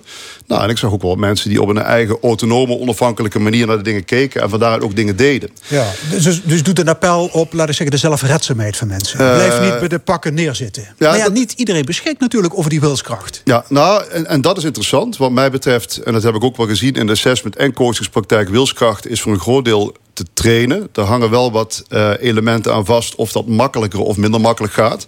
Maar wat me opvalt is als je kijkt naar persoonlijkheid mensen, karakter. Wat mij betreft is dat behoorlijk eh, aangeboren. Daar kun je nog wat in plussen en minnen. Maar dat, dat zit wel dicht echt tegen wie je bent aan. Als je de ui, als je de mens als ui zou zien, als je de ui een beetje afpelt, ja, dan kom je uit op eh, drijfveren. Je komt uit op identiteit, je komt uit op gedachten, je komt uit op overtuigingen. Dus je kunt op meerdere manieren interveneren op gedrag om een slag te maken. Oké. V- Vindt u dat mensen zich sowieso wat meer moeten bezighouden met zingeving, met, met bewustwording, met groei? Nou, en dat wordt bewustwording, daar haak ik even op aan. Zingeving vind ik al een, een, een behoorlijk groot thema. Het valt me trouwens wel op in coronatijd. Mensen hebben mogelijk eh, meer tijd gehad om over zichzelf na te denken. Zingeving is wel een thema. Ik zie het ook in coachings bij ons terug. Eerder kwamen mensen langs voor een training effectief beïnvloeden. Ja. En wat je tegenwoordig ziet is dat mensen eh, eh, de vraag stellen... wie ben ik eh, ten opzichte van het grotere geheel waar ik zit. Ehm, als je, als je kijkt naar wat zijn nou typische ontwikkelvragen van mensen, dan zat het hem dus eerder op competentie. Van hoe verhoud ik me tot mijn baas en hoe krijg ik mijn dingen gedaan bij mijn baas. Ik maak het even heel zwart-wit nu. En ik merk nu veel meer de vraag ook van. Ja, ik ben onderdeel van deze organisatie. Pas ik hier bijvoorbeeld bij? Dat mensen veel meer eh, vanuit bewustzijn, ik haal even jouw woord terug, kijken van wie ben ik, wat wil ik, wat kan ik. En waar sluit ik dan bij aan? En dan is een typisch woord tegenwoordig talent, talentmanagement. Ik heb er zelf wat minder mee, maar meer kijken naar wie ben jij en vervolgens waar past dat? Dus mensen draaien het meer en meer om. En ik vind dat een goede ontwikkeling. Maar u schrijft op een gegeven moment over een directeur van een chemisch bedrijf. Ja. Die vond dat ze in een sleur zat. Ze verlangde naar een groots en meeslepend leven. Ja. wie niet? Ja. Wat zegt u tegen zo iemand? Ja, eh, nou, dat is van het- van ja. neem ontslag, zet je man aan de kant, maak een wereldreis? Ja, en ook daar, hè. Wat, wat zeg je tegen iemand? En misschien praat ik nu in clichés, maar je gaat eerst goed luisteren. Van wat gebeurt hier nou eigenlijk? Hoe kijk jij? Wat denk jij? Wat voel jij? Idealiter heb je ook de stap daarvoor nog dat je met eh, de opdrachtgever, de baas vaak van zo iemand gaat, gaat praten over wat maakt dat er überhaupt een coachingsvraag is of een assessmentvraag is. Ja, en dan ga je, en dan ga ik mensen toch wat onerbiedig vergelijken met eh, de ui. Je gaat het een beetje afpellen. Met andere woorden, heeft iemand zichzelf een bepaalde manier van denken aangemeten waarin je een slag kunt maken? Denkt iemand vooral, eh, ja, het is een sleur en het komt nooit meer goed. Maar onderliggend, eh, ja, is het karakterprofiel wel zo dat, dat er genoeg optimisme in zit? Dan ga je veel meer inzoomen op eh, hoe zijn je overtuigingen en kun je van een belemmerende naar een helpende overtuiging gaan. Als wat, en daar heb ik ook over geschreven, als het wat meer op bijvoorbeeld emotionele instabiliteit zit, en dat is wat meer een karaktertrek. Hè. Mensen worden voor een groot deel ook wel of heel erg zelfkritisch geboren, of wat minder. Nou, waarschijnlijk gaan hier heel veel mensen heel veel, heel veel van vinden wat ik nu zeg, want hier zijn meningen over, hè, even opgesteld. Eh, maar op het moment dat jij wat, wat stabieler eh, van aard bent, dat je wat ontspannender, wat relaxter bent, wat meer eh, de ernstige zaken onderschat misschien ten opzichte van overschat, dan creëer je voor jezelf de ruimte, denk ik, om open ook naar jezelf en naar de wereld eh, te kunnen kijken. En vanuit die nieuwsgierigheid is het makkelijker ontwikkelen dan wanneer je eh, ja, wat meer een pessimist bijvoorbeeld van aard bent. Maar is het erg om een saai gewoontedier te zijn? Ja, ik ben het zelf ook, denk ik. Ja, kijk, ik, En dan kun je toch heel gelukkig. Ja, nou, ik vond me er fantastisch bij. Maar ik vind het mooi Ja. dat je het aanhaalt. Als ik kijk naar vanochtend bijvoorbeeld. Mijn zoon eh, is jarig. Dus we hebben dat fantastisch gevierd. Nou, je kent de stappen wel. Hè. Eh, Je zoon komt naar je toe en stopt je een cadeautje in je handen. Je geeft een applaus, je zingt iets. Dat is een traditie, dat is een gewoonte. En je stapt erin en het is heerlijk. Eh, dus, dus niks mis met, met gewoontedieren zijn, wat mij betreft. Werk speelt een grote rol in ieders leven. Ja. Eh, beleven de meeste mensen plezier in hun werk? Eh, de mensen die ik tegenkom wel. De vraag is natuurlijk van, kom ik de gemiddelde Nederlander tegen bij, bij ACT? Dat is ja, waarschijnlijk vraag. niet. Ik denk het niet. Daar, eh, ja, je stelt een goede vraag. Eh, als ik naar mijn vriendenkring kijk, ik kijk naar eh, bekenden, ik kijk naar mensen om me heen, ja, dan hoor ik toch wel behoorlijk wat, wat vraagtekens. Ja, maar wat helpt is natuurlijk dat je, dat je zinvol werk doet. Ja. En dat je een bepaalde mate van autonomie hebt. Ja, exact, exact. Dus kun je de dingen doen die bij je passen? draag je bij aan een groter geheel? Kun je En- je eigen competentie En inzetten? niet te vergeten waardering. Ja, en wat U zegt dat is een evolutionair overblijfsel. Ja, Dus in de oudheid gold, hoe meer waardering, Ja. hoe groter de kans op, Op voorbestaan, O- ja. overlevingskansen. Je mag er blijven, we zijn kuddedieren. Hè? Dus we vinden het toch wel heel prettig om aardig gevonden te worden... om onderdeel te kunnen zijn van het grotere geheel. Dat kan een groep zijn, dat kan je team zijn op je werk. En, en dat is vaak wel het, de paradox of het spanningsveld. Mensen willen uniek zijn en zichzelf zijn... en vandaar het ook zichzelf laten zien. Tegelijkertijd maakt het ook dat je daarmee onderscheidt van anderen... bewust of onbewust. En dan kun je ook wel een keer, ja, ik zeg het even heel plat... maar buiten het potje gaan pissen. Want mensen vinden dat niet prettig. Dus aan de ene kant is het voor jezelf vaak goed om op te gaan het grote geheel. Aan de andere kant, eh, wie ben je dan nog? Wat draag je dan bij? Eh, ja, dat, dat, dat zijn fascinerende vragen. Wat is het moeder Teresa-syndroom? Eh, ik zou het zelf uitleggen als eh, ja, vooral bezig zijn met voldoen aan de wensen en de eisen en de behoeften van anderen. Eh, kijk naar een leidinggevende die vooral heel veel van je vraagt. Ik maak het even heel praktisch nu. Vooral geen vragen terugstellen. En ja, noem het doen wat je opgedragen wordt. En op korte termijn worden mensen heel blij van jou. Letterlijk, je doet wat je gevraagd wordt. Op lange termijn denk ik dat je je eigenheid en je uniciteit behoorlijk kwijtraakt. Want er zit veel meer in do- doorgeschoten dienstbui. Eh, noem het please-gedrag. Eh, please-gedrag. ja, noem het dat. Ja. ja. En is dat af te leren? Dat is zeker af te leren. Ja, en ook daar zie je weer dat op het moment dat het heel diep in je zit, dat je een soort van ja, bijna aangeboren behoefte hebt om anderen tegemoet te komen. Ja, dat is wat ingewikkelder. Als het te maken bijvoorbeeld heeft met een live event. Ik zie genoeg mensen langskomen die in hun jeugd. eh, het voorbeeld van de ouders, die, die heel erg vanuit de normenwaarde drukten op. eh, je hebt mij te volgen. Hè? Dit is wat ik wil dat jij doet. Ja, als je dan niet stevig in je schoenen staat, dan heb je een pittige klus te pakken. Eh, en dat is een opgebouwd patroon. Waarbij je wel ziet, ook in een stuk coaching, dat mensen dat wel wat kunnen gaan afleren. Eh, dus daar is wel ontwikkelruimte. Ja, want ik las in uw boek het gezegde... als je alles wilt zijn voor iedereen... dan eindig je als niets voor niemand.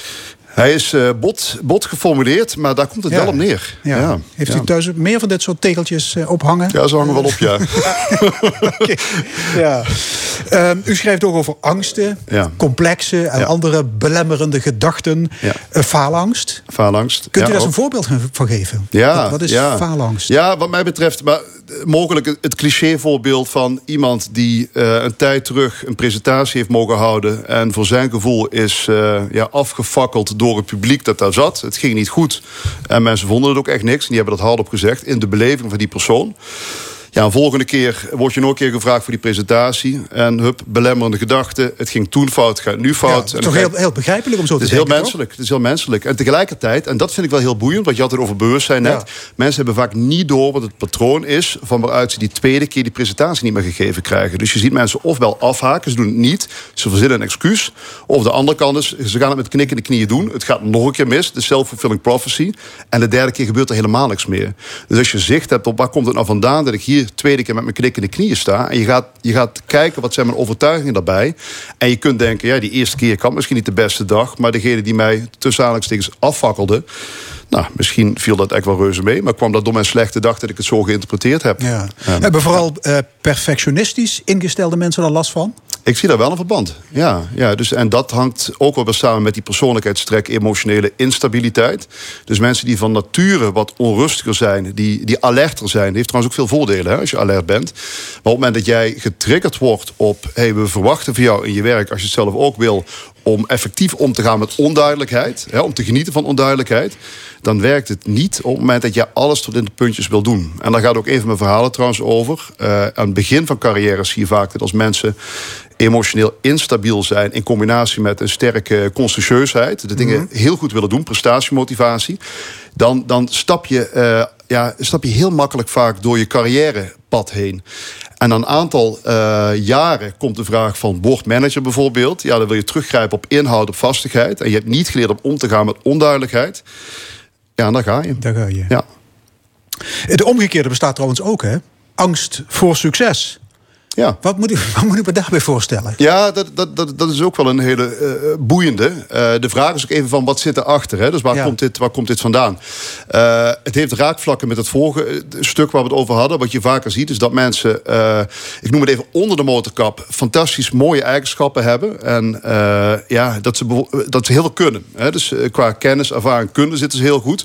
Maar ook wel qua, qua persoonsprofiel. Het past op veel plekken bijvoorbeeld. Maar ergens, en dat valt me wel op bij dat type, als ik het types mag praten, is er gaandeweg de rit iets gebeurd met een leidinggevende of met een medewerker, waardoor iemand voor zijn gevoel klappen heeft gehad. Ja, en dat projecteert iemand eh bewust of onbewust op het hier en nu. En dan, eh, dan zit er heel veel in, maar dan komt er heel weinig uit. Ja, ja. Problemen allemaal. ja, uitdagingen. Ja.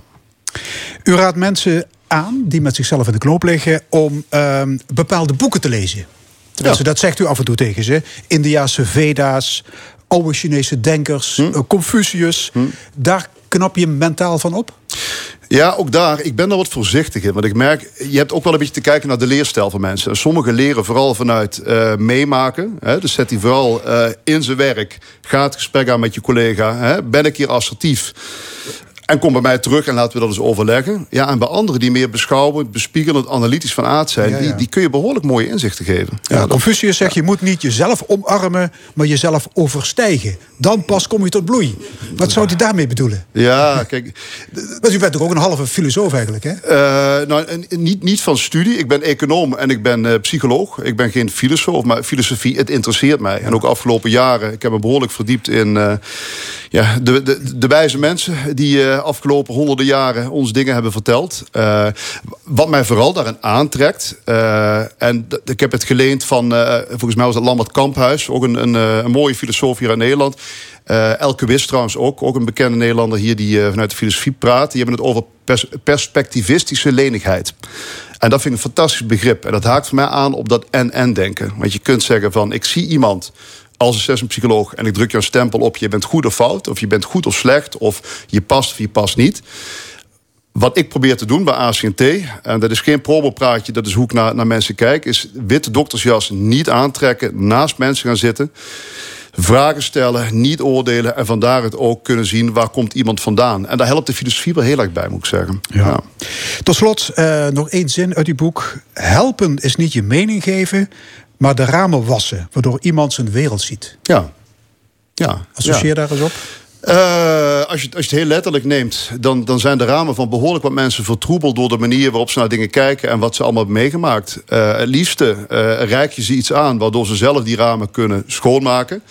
Soms lukt dat niet, om meerdere redenen. Ja, en dan pak je zelf die zeem of die, die, die, die spons in je handen... en dan, ja, dan ga je een beetje meedoen. Ik vind het wel, het is af toe linker soep. Want als je te veel gaat meedoen en eh, je wordt wat meer de, de teacher, hè, zo gezegd... De, de, de leraar, dan kruip je in de docentenrol. En dan ga je die ander vertellen hoe de wereld aan elkaar zou moeten zitten. Ik wil daar vanaf blijven, dus idealiter gaat iemand zijn eigen ramen eh zemen. Oké, gaan we doen. Ja. Danny Mullenders, hartelijk dank. Het boek Laat je niet kiezen is eh, nu al te bestellen... Ja. en ligt vanaf 1 juli in de winkel. Dank je. Hartelijk dank. U luistert naar de stemming op L1 Radio. Vandaag staat de festivalweide van Pinkpop voor de derde dag vol. En een van de acts is Ziggy Marley, zoon van de grote reggae-legende Bob Marley. Hij brengt een eerbetoon aan zijn vader. Hier op de radio hebben we de luxe om wijlen Bob Marley en de Wailers zelf te laten voortleven. Redemption Song.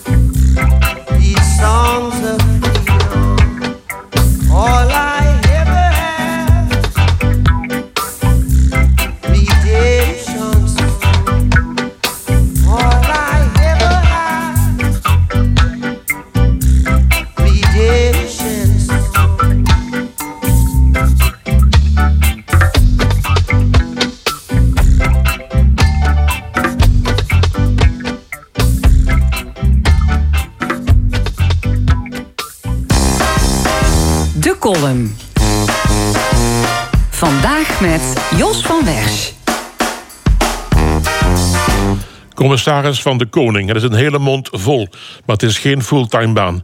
De Zuid-Hollandse commissaris Jan Frans en zijn Zeeuwse collega Carla Pijs verdubbelden hun inkomen met betaalde bijbanen.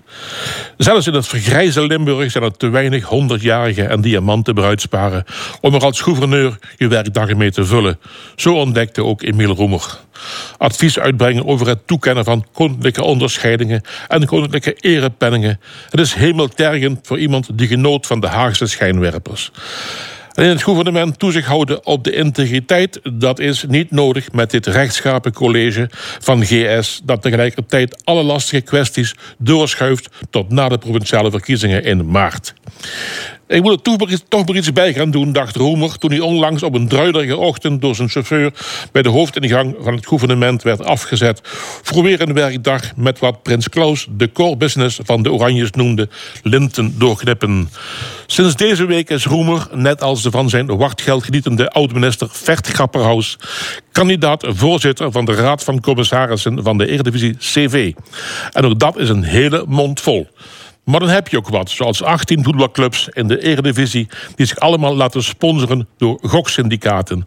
Met als dieptepunt ons eigen Fortuna Sittard... dat de blitz denkt te maken met het logo van een gokboer... op de voorkant van het heilige gele Sittardse shirt.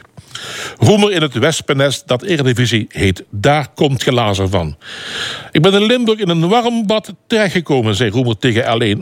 Maar kan ik niet warm genoeg als je nu al op een bijbaan in een sector die de belangenverstrengeling heeft uitgevonden. Roemer kwam naar Maastricht om hier op de winkel te passen. Maar kennelijk willen weer shinen op een landelijk podium. Net zoals Johan Remkes, die het vorig jaar ook veel te lang duurde... eer hij in Maastricht zijn hielen kon lichten. Limburg staat voor de godsonmogelijke opdracht om de door Den Haag opgelegde stikstofmaatregelen uit te voeren. Nu niet alleen de drijboeren, maar ook het CDA en de VVD de kont tegen de krip gooien. In de wetenschap dat in het gouvernement de politieke messen worden geslepen, moet Roemer, de bruggenbouwende voorzitter van het college van GS, op zijn post blijven in Maastricht. Vrijdag was hij als heavy metal fan op Pinkpop en gisteren stond hij op zijn vrije zaterdag als een otter te zweten op de Veteranendag in Roermond. Zo ziet Limburg u graag, meneer Roemer, maar blijf weg uit de jungle die betaald voetbal heet. Leon Fressen, een van uw voorgangers, deed dat niet. We weten hoe dat is afgelopen. De column was dat van Jos van Wersch. We gaan verder in de stemming met een onze discussiepanels. Vandaag over de krimp van Schiphol, Oekraïne en de EU... en over de vraag, is er een corona-zomergolf op komst? Ik heet van harte welkom docent en pedagoog Ingeborg Dijkstra-Verbeek... ombudsvrouw Heger Harzi en headhunter Wim Haan. Welkom, alle drie. Ja, het kabinet wil forse krimp van onze nationale luchthaven Schiphol. 10% minder vluchten. Dat is voor het eerst, want de Nederlandse overheid heeft altijd volgehouden dat Schiphol moest kunnen groeien. Wat vinden jullie daarvan? Goede ontwikkeling. Wij, wij, wij willen groeien. Eh, we willen dat alles maar nog meer, nog groter, nog beter wordt. En ik denk dat het tijd wordt, en dat zie je op een aantal andere vlakken, voor, uh, voor keuzes en kwaliteit. Het, het kan niet meer. Het, het, uh, het is eindig. Ja, het is wel een mantra waar we toch al, uh, ja, weet ik veel, sinds mensenheugenis in geloven, hè? Groei. Nou, ja. ik, ik, ja, sorry. Uh, ja. Ik denk dat, dat groei aan zich niet verkeerd hoeft te zijn. Maar de, de groei die uh, ons nu voor ogen stond, uh, kent ook wel zijn begrenzingen. En ja. dit kabinet, daar kun je veel over zeggen, gaat nu op heel veel fronten met die begrenzingen eindelijk eens aan de slag. Ja, hoe, hoe zou dat komen? Wat, wat, wat heeft de doorslag gegeven? Nou, ik denk dat een aantal dingen, als je, als je door zou zetten op groei, dan uh, groeit dus, uh, om dat werkwoord er maar te gebruiken, ook bijvoorbeeld de onvrede. Hè. Het is nu de, de overlast die dan als hoofdoorzaak genoemd wordt, maar er zijn natuurlijk ook andere oorzaken die, die je kunt noemen, uh, waarin de luchtvaart um, beter nou, of even kan stil kan staan of even kan afnemen. Waarin je zegt van het, er groeit het bewustzijn dat we duurzamer misschien moeten vliegen. Er groeit ook het bewustzijn dat we, dat hebben we misschien ook in de coronatijd geleerd niet per se allemaal naar uh, uh, verre bestemmingen moeten, maar ook dichter bij huis uh, of op andere manieren een vakantie kunnen vieren. En zo is er een heel um, ja, een rijtje van dingen als je het specifiek over luchtvaart hebt. En groei, dat is een beetje wat, wat Wim ook zei. Ik denk dat we op andere thema's dat ook zien, dat dat niet meer het hoogst wenselijk is. En dat we kijken welke gevolgen heeft dat voor wie en ehm, op welke manier. Ja, zou het echt, zou er een, iets van een ja, omslag het, het komen gewoon, ja. dat wij andere dingen dan economische groei belangrijk gaan vinden? Inderdaad, klimaat, de ongenoegen van de omwonenden, de last, de overlast wat die mensen daar hebben. En wat Wim zegt, we hebben ja, eindelijk een kabinet die wel wat wil doen. Uh, de stikstof, uh, al die problematiek rondom, uh, die mensen die omheen wonen.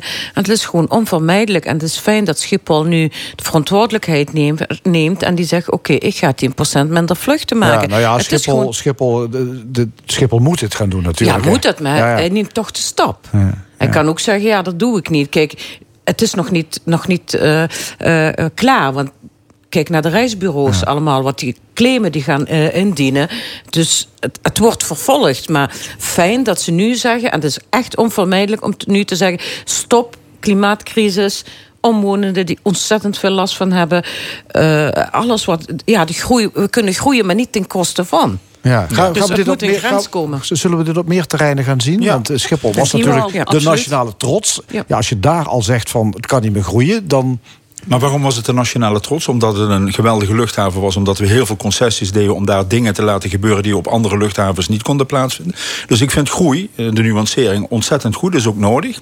Maar duurzame groei is een mooie combinatie. Yes. In plaats van we groeien, maar de salarissen groeiden niet. Die werden teruggebracht. En daar zat geen groei in. Ja, dat kan niet. Dus we kunnen niet groeien en het goedkoopste zijn op die manier. Dan, worden dat is we, dan, worden, dan wordt Nederland het Ryanairland van Europa. Precies, ja. en de toestanden die we nu zien op Schiphol, dat is natuurlijk niet iets om trots op te zijn. En daar voel je ook als, als gewone burger wel plaatsvangende schaamte als je hoort wat die gasten, eh, bijvoorbeeld bij de bagageverdiening of andere dingen, dat ik denk van dat is eh, absoluut niet meer dat beeld eh, per se wat bij iedereen bestaat. Ja, nee, we kennen trouwens overigens de, de beelden natuurlijk van de afgelopen maanden van. Schiphol, hè, waar mensen Ja. dus uren in de rij staan.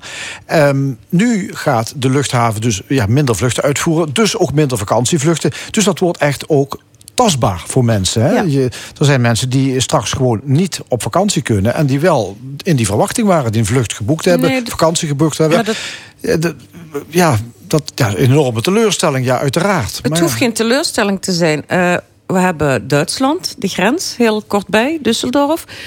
Eh, Rotterdam, Maastricht-Aken Airport, eh, Luik, Charleroi, Brussel. Dus er zijn genoeg mogelijkheden. En als er alles wordt verdeeld eh, door Europa, dan komt dat wel goed. Want wat is de afstand tussen eh, eh, Schiphol en Rotterdam? En van Rotterdam naar Antwerpen en van Antwerpen naar eh, Luik. Er zijn genoeg mogelijkheden. Dus we hoeven niet alles per se op Schiphol te zetten. Nee, dus maar- mensen hoeven echt niet zo erg... Maar wat, wat wij misschien een beetje vergeten is dat een aantal van die plekken die je net noemt, bijna dezelfde problemen kennen als Schiphol. Hè. Wij, wij, wij, wij focussen even op Schiphol, onze nationale trots. Moet je kijken hoe ellendig het er is. Maar op andere luchthavens, eh, Düsseldorf, wordt ook een probleem. Daar komen al problemen. Dat, dat zien we gebeuren. Wat, wat enorm vreemd vind ik is, is dat eh, korte vluchten, eh, dat treinverkeer, wat veel duurzamer is, gewoon onvoldoende gestimuleerd wordt. Er gaan nog steeds tientallen vluchten dagelijks van Schiphol naar Londen. Ja. Ja. Ja. onbegrijpelijk. Dus daar zit ook veel meer een oplossing. Daarbij denk ik, dat is natuurlijk zeker teleurstellend. Misschien als je op, met je koffer zo op Schiphol of op een ander vliegveld staat en je kunt niet vertrekken. Eh, maar eh, een beetje gezond omgaan met teleurstellingen, dat vind ik ook een, een les die we op allerlei gebieden nu aan het leren zijn. Die we al twee jaar aan het leren zijn door de Ja, maar ja, coronamaatregelen. vert- vertel dit maar eens naar het gezin dat een, Nee, dat snap een ik. reis geboekt heeft en dadelijk Maar eh, je kunt, je kunt ook op een andere manier op vakantie gaan. Ik denk dat, het, dat we allemaal als burger nu eh, in heel veel onderwerpen die- waar we het regelmatig over hebben, moeten gaan denken: die knop moet om. En, eh, en ja. daarin eh, incasseren, waar de psycholoog van net het over had. Zo van, en dan kiezen welke houding heb ik dan en hoe eh, ga ik dat omdenken of weer eh, veerkrachtig mee om. Ik denk dat dat een les is die we als maatschappij sowieso En wel de, kunnen tre- leren. de treinverkeer bijvoorbeeld Zeker. naar En Parijs. kijk naar dat is alternatieven. zo. Ja. Ja, de alternatieven van de treinverkeer. Dat is Ja. gewoon geweldig. Ja. We krijgen niet één zwarte zaterdag, we krijgen er vijf, heb ik Ja. Ja, precies. Ja, die mensen allemaal met de auto gaan opeens? Veel gaan met de auto. Ja, Ja, daar gaan automatisch al veel meer mensen die zeggen... ik wil niet vliegen, ik kies voor eh, mijn eigen veiligheid. Dus vakanties met de auto neemt in populariteit toe. Eh, eh, als je afgelopen vrijdag Ja. misschien kijkt... dan zie je een, een, een karavaan van campers en caravans. Eh, Heel veel mensen hebben Mhm. andere manieren van hun vakantiebesteding gevonden. Het heeft ook te maken met de leeftijd en zo. We, we zitten echt in een heel ander tijdsgevricht... dan eh, eh, waar we vandaan komen. Ja, ja, maar ja, is dat dan is dat vooruitgang? Dat we dan allemaal dus de auto gaan nemen? Nieuwe tijden, nieuwe inzichten, Ja, is dat- is nieuwe nieuw, keuzes. ik, vind, het- ik vind het wel nieuw, ja. Als je je onveilig voelt, als je kijkt... mensen die vroeger continu echt heel goedkoop naar Turkije gaan... die zeggen, ja, die oorlog in Oekraïne... ik durf niet te vliegen naar Turkije. Zou Dan het? pak, ik een ja? dan pak ik hier een vakantie. Of, ze- of binnen Nederland, of kort bij naar Parijs... en pak ik een auto, 400 kilometer ben ik daar. Dus ja, het is nieuw denken, nieuw, nieuwe keuzes maken. Of de trein pakken, het is ook veilig. Maar ik ben het met je eens. Hm. Eh, als jij een gezin dat niet op vakantie is kunnen gaan, gespaard heeft voor een Absoluut, vakantie, nee, één keer per jaar tuurlijk. op vakantie gaan gaan en staat op Schiphol en die vlucht wordt gecanceld, dat is voor ons één van de getallen, maar dat is voor hun een drama dat, tot en met. natuurlijk, op individueel Ja, niveau ja, zeker. ja, dat is natuurlijk. Maar dat we moeten gaan accepteren dat het niet meer vanzelfsprekend is... dat je voor een appel en een ei de wereld over kan juist, vliegen... dat ja. is wel iets wat, wat eraan moet komen. ja. ja. Ja. Ja. Ja. Ja, het is, het is gewoon zo. Goed, er zijn deskundigen die waarschuwen voor een corona-zomergolf. Ehm, het RIVM zegt dat die waarschijnlijk al is begonnen. Ja, dan moet Mick Jagger het eerste slachtoffer zijn geweest. Heger, ben jij bang voor een opleving van het virus? Nee. Nee, ik, eh, we hebben het twee jaar gehad. We hebben heel veel voorlichtingen. We hebben eh, de, de, de coronaspuit gehad. Ik heb zelfs drie. Dus eh, nee, nee, ik ben daar niet bang voor. En ze het kabinet had gekozen van eh, inclusieve of een totaal im- immuniteit. Hè, van we laten alles los. Dus aan de mensen zelf inderdaad om te kiezen hoe ga ik daarmee om en wat doe ik daarmee. Dus eh, nee, ik ben daar niet bang voor. Ingeborg, bang voor een zomergolf? Als je bedoelt ehm, of ik denk dat het aantal besmettingen toe zal nemen, denk ik ja. Maar ben ik daar persoonlijk bang voor? Nee. Nee, ik denk dat, eh, dat we geleerd hebben. Ik denk dat inderdaad, eh, dat eh, als je kijkt naar het, aantal ziekenhuisopnames en al- laat staan de IC's, laat staan mensen die overlijden. Ik, ik ben daar niet bang voor. Maar ik zie wel, ik, ik heb in de afgelopen week drie telefoontjes gehad van besmette mensen. En dat was weken geleden, zeg maar. Waardoor ik dus niet een afspraak kon nakomen. Dus als dat empirisch is voor, voor de, de trend, ja, dan zal het aantal besmettingen toenemen. Wim Haan, hoe groot is de kans dat het weer begint? Mondkapjes, anderhalve meter, beperking van het aantal bezoekers. Hoe reëel is Nou, dat scenario? Nou, ik denk dat dat We nog zijn niet... inmiddels allemaal viroloog, dus jij ook. dat- Oh ja, nou, Nou, ik denk dat- go- nou, go. Daar komt hij dan, hè, daar komt hij dan. Ik, eh, nee, ik denk dat dat nog dat dat een, een stap te, te snel zou zijn. Ik denk dat het daadwerkelijk gaat toenemen. Maar Ingeborg zei één zinnetje, en dat, is, eh, dat komt wel vaker voor, dat je een heleboel zegt in één zinnetje haal ik, wil ik eruit halen. En dat is eh, eh, dat je zegt, we hebben ervan geleerd. Maar ik denk dat we helemaal niet van, daarvan geleerd hebben. En dat in het najaar blijkt, als er een andere variant komt, dat we heel slecht geleerd hebben. Hoezo? Nou, in het najaar er wordt gesproken van een zomergolf. Ja, ja. En bovendien het festivalseizoen Ja. is begonnen. Ja. Hè? André Rieu dadelijk op het, op het Vrijthof. Maar wat we- Pinkpop is aan de gang, het Oud-Limburg Schuttersfeest. Frank, wat we kunnen, geleerd- kunnen kwetsbare oudere mensen Oh, nog, ja. nog Ja. veilig de deur uit? Dat Dan- is... Dan maak je de nuancering. Want ik denk dat heel veel mensen gewoon eh, aangeven... ik heb corona gehad en het viel me uiteindelijk wel mee. Het waren milde klachten. Ik hoor alleen nog maar milde klachten, milde klachten, milde klachten. En ik hoor te weinig dat mensen enorm nog veel last hebben... van long covid of iets dergelijks. En dat daar iets onderhuid zit. En dat eh, inderdaad die kwetsbare eh, mensen straks... Sommigen zie ik ook op Pinkpop overigens staan. Kwetsbare, wat oudere mensen, als ik zo de beelden zie. Dat dat, dat wel echt weer iets, eh, iets bijzonders gaat worden. Dus we hebben, we hebben er niet zoveel van geleerd. We, gaan niet naar de, we zijn niet een volk dat meteen naar mondkapjes gaat. Vorige keer kon ik er niet zijn in Italië. Daar worden nog heel veel, zonder dat het ge- afgedwongen wordt, mondkapjes gedragen. Daar is afstand nog altijd wel een een factor. En hier schieten we toch wel heel door in het oude, nieuwe normaal. Er is niks, we hebben het gehad. Het is voorbij. Streep eronder. Ja, omdat het gaat om subvarianten van dat Omicron-virus. En die zijn minder ziekmakend. Maar Kuipers, ehm, die zegt... de samenleving moet het maar oplossen. Is dat om die reden? Het valt allemaal wel, wel mee. Nou, Hè? ik- ik dat is een plan, hè? De Oh, hier horeca en het de- de onderwijs en het bedrijfsleven... ja. die moeten zelf protocollen opstellen. Nou, ben je het daarmee eens? Nou, ik vond dat wel. Het voelde een beetje, maar ja, dat zeg ik dan gewoon als burger, als een soort afschuifpolitiek. Dat ik dacht van, we hebben eh, in de afgelopen jaren gehoord dat we de zorg moeten ontlasten. En begrijp me goed, daar ben ik het mee eens. Maar eh, op die IC-capaciteit. En dan moeten, wat hoorde ik hem nou zeggen? De ziekenhuizen zelf eh, zorgen dat ze het personeel gaan binnenhalen. En denk van, die hebben nu op dit moment andere prioriteit. Maar ik denk wel dat het goed is dat we allemaal eh, kijken naar wat is ons aandeel erin. Een beetje hetzelfde als met vliegen. We hoeven niet altijd in een vliegtuig te stappen. Nou, we hoeven ook niet. We moeten ook kijken, wat kan ik zelf doen? En ja, wat Wim zegt, eh, ik ben niet helemaal met je eens. We hebben bepaalde dingen wel geleerd, maar ook niet geleerd. Maar ik denk dat als we dan weer afstand gaan houden, dat hebben we geleerd, dat werkt. Ik heb nog steeds mensen die me geen hand willen geven of niet die drie zoenen willen geven. Dus dat geldt niet voor alle Nederlanders. Hè? Maar we hebben gezamenlijke verantwoordelijkheid. Maar om te zeggen, het aan de horeca af- eh, het overlaten of aan het onderwijs, nou, eh, of aan de, dat vind ik wel eh, een beetje te kort door de bocht. Ja, nou, het- voortschrijdende inzicht. De eerste coronagolf is wereldwijd ons overvallen. Wij moesten acteren en dan ga je naar een bepaalde modus toe... waarin een grote verantwoordelijkheid genomen werd door regeringen en kabinetten en iets dergelijks. Nu, nu hebben we de tijd om te leren dan eh, daarvan. En dan denk ik, als het oprecht is, zet sectoren nou maar eens duidelijk van wat gaan jullie doen of waar zouden we rekening mee kunnen houden. Of er rekening mee gehouden wordt, heb ik weinig fiducie in, want dat is tot nu toe. Veel hebben ze een voorbeeld. Daar hebben we iets geprobeerd. Wat doen we met die aanbevelingen? Niks. Nee, we zaten toen in die modus. eh, regel het maar, eh, vertel maar wat we moeten doen. En wij volgen, en we zijn kritisch op wat we volgen, en we doen het uiteindelijk niet. Dus die sectoren nu mobiliseren, vind ik geen verkeerde idee. Maar ik heb weinig fiducie dat eh, met die adviezen iets gebeurt. Heet je hard mee eens? Ja, Vind je dat de. Ja, samenleving het samen- moet oplossen? Nee, de samenleving moet het inderdaad zelf oplossen. En eh, de eigen ik, wa- wat, doe ik daaraan? Wat doe ik zelf daaraan? Inderdaad, blijf ik een handje geven. Doe ik, ik was ook laatst in Brussel, een grote braderie, zag ik mensen echt met een mondkapje. Ik ook. Ik denk, ja, ik kom hier naar de braderie, mensen, heel veel mensen om me heen. Ik wist niet dat er wel veel corona of niet in mijn omgeving, absoluut. Nee, oké, maar dan heb je het over persoonlijk gedrag. Maar ja, moet je maar, de, ook, die maar grote ook de horeca, ook de instantie moeten ook... eh, ik zie nou ook de, in de winkels, die schermen zijn al af. Eh, waarom? Laat dat staan. Dan wordt, het, dan wordt dat normaal, de nieuwe normaal. Maar sinds dat de, het kabinet heeft gezegd... oké, dat is klaar, is het ook echt klaar. Nee, hou het en ga vooruit. Maar om een hele adviesorgaan weer in het leven te, te laten komen... Om, om, om de organisaties te vertellen... Wat, of dat ze zelf moeten wat gaan doen... zoals de horeca of wat dan ook... dat vind ik ook een beetje te ver gaan.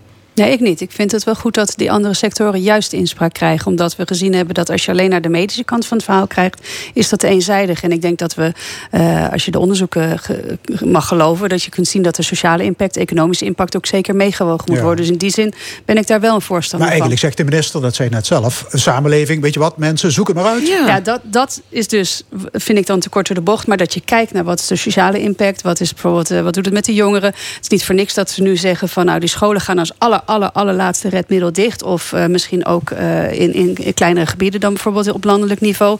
Dat je kijkt aan, eh, bij horecabonden van wat heeft gewerkt. Waar voelen jullie het meest prettig bij? Want er zijn natuurlijk dingen die, waarvan we gezien hebben... dat was een eenvoudig, relatief eenvoudige maatregel met grote impact. We hebben ook het omgekeerde gezien. Een drastische maatregel met ogenschijnlijk minder impact. Ik ben daar een zeer groot voorstander van... dat, dat al die onderdelen van de maatschappij meegenomen worden. Ik denk dat dat iets is wat we dus ook geleerd hebben na twee jaar Ja, corona. het zal ook wel moeten, want het kabinet heeft nog altijd geen lange termijnplan. Zeker, nee. nee. Nee. Ik, ik ben me aan het afvragen of een ander land een lange termijnplan heeft bijvoorbeeld. Geen één. Misschien, misschien is dat in Australië, misschien, dat weet ik niet. Hè, daar heb ik onvoldoende zicht op. Maar het is verduveld lastig om een lange termijnplan eh, te hebben. Ja. Het is wel beloofd. Maar waarschijnlijk komt Kuipers alleen maar in actie als de ziekenhuizen weer vol stromen. Ja. Wie weet. En Rutte is met zijn laatste periode bezig, dat zie je in alles. Hè? Ja. Nog één ding, er is een maatschappelijk impactteam opgericht. Ja. Dus naast het OMT van de Witte Jassen hebben we nu ook het MIT. En die club gaat het kabinet adviseren over de sociale effecten Ja, van de coronaregels. Voorzitter is Jolanda Sap, voormalig politiek leider van GroenLinks. Is zo'n MIT een aanwinst? Ja, ik vind dus van wel. Ja, dat probeerde ik net te zeggen. Ja. Het kan een aanwinst zijn. In, in elk geval vind ik dat ze het serieus nemen om die dimensie. Want dat was de grote kritiek. eh, Die Ja. werd niet meegenomen, die wordt nu wel meegenomen. Ik heb dan meteen wel zitten kijken, is dan Jolanda Sap de, de beoogde goe- het goede boegbeeld? En dan denk ik misschien. Uit dus- Venlo van origine. Nou, nou, nou, dan is het dus wel. erbij. Dat is helemaal goed. Dat is helemaal Als goed. je dat maar goed, we, we weten hoe het met een, met een, met een eh, enorme corrivee met eh Fijke Sijbersma is afgelopen. Die, dat was de coronagezant. Eh die kon eigenlijk geen potje breken, omdat je toch wel een beetje verdwaalt en verzuipt in het moeras dat politiek is en dat ambtenarij heet. En, en misschien dat Jolanda Sap daar een betere, een betere weg in mee te vinden. I don't know. En Marian Koopmans is ineens welkom op Oerol. nee, misschien Nou. wel in het MIT. Oké, eh, we gaan naar iets anders. Afgelopen week besloten Duitsland, Frankrijk en Italië dat Oekraïne kandidaatlid van de Europese Unie mag worden. Nou, ook de Europese Commissie is daar nu voor. En zelfs Nederland heeft zich aangesloten bij de voorstanders van een kandidaat lidmaatschap van Oekraïne.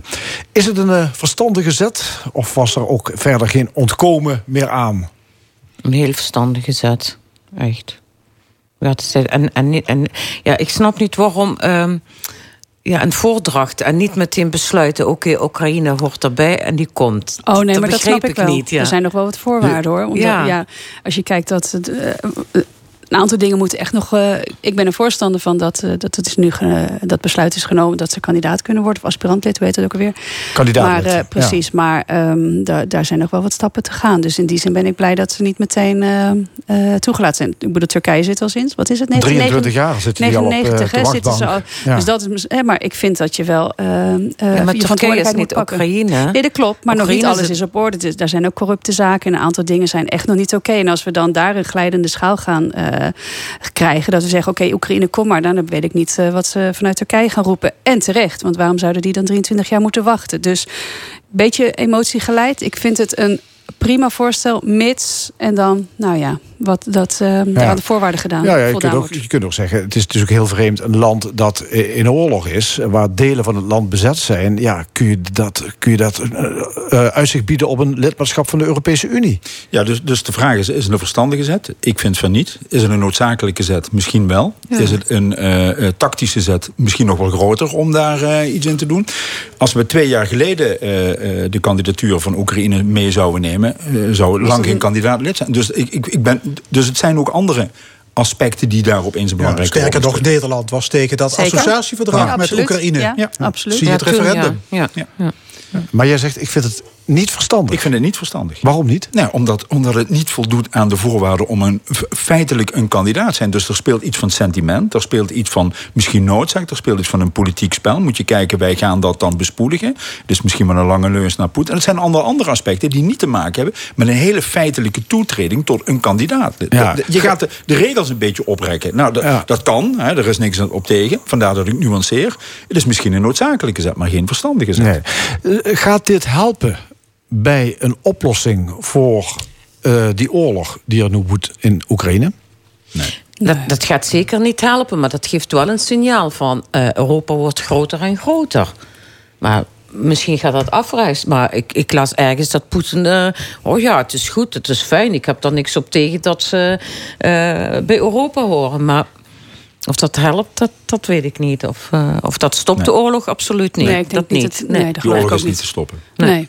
Poetin doet Nee. toch wat hij wil. Daar Ja. maakt zo'n kandidaatlidmaatschap echt geen bal voor uit. Ja, dat maakt hem niks Ik vind het uit. ontzettend Ja. knap dat er mensen zijn die proberen Poetin te begrijpen. Ik denk dat hij zichzelf niet begrijpt. Dus laten wij maar stoppen om hem te Ja, proberen te begrijpen. Dat is echt van een andere orde. Dat, kun- dat, dat kunnen wij niet hanteren. Ja. Nou ja, goed.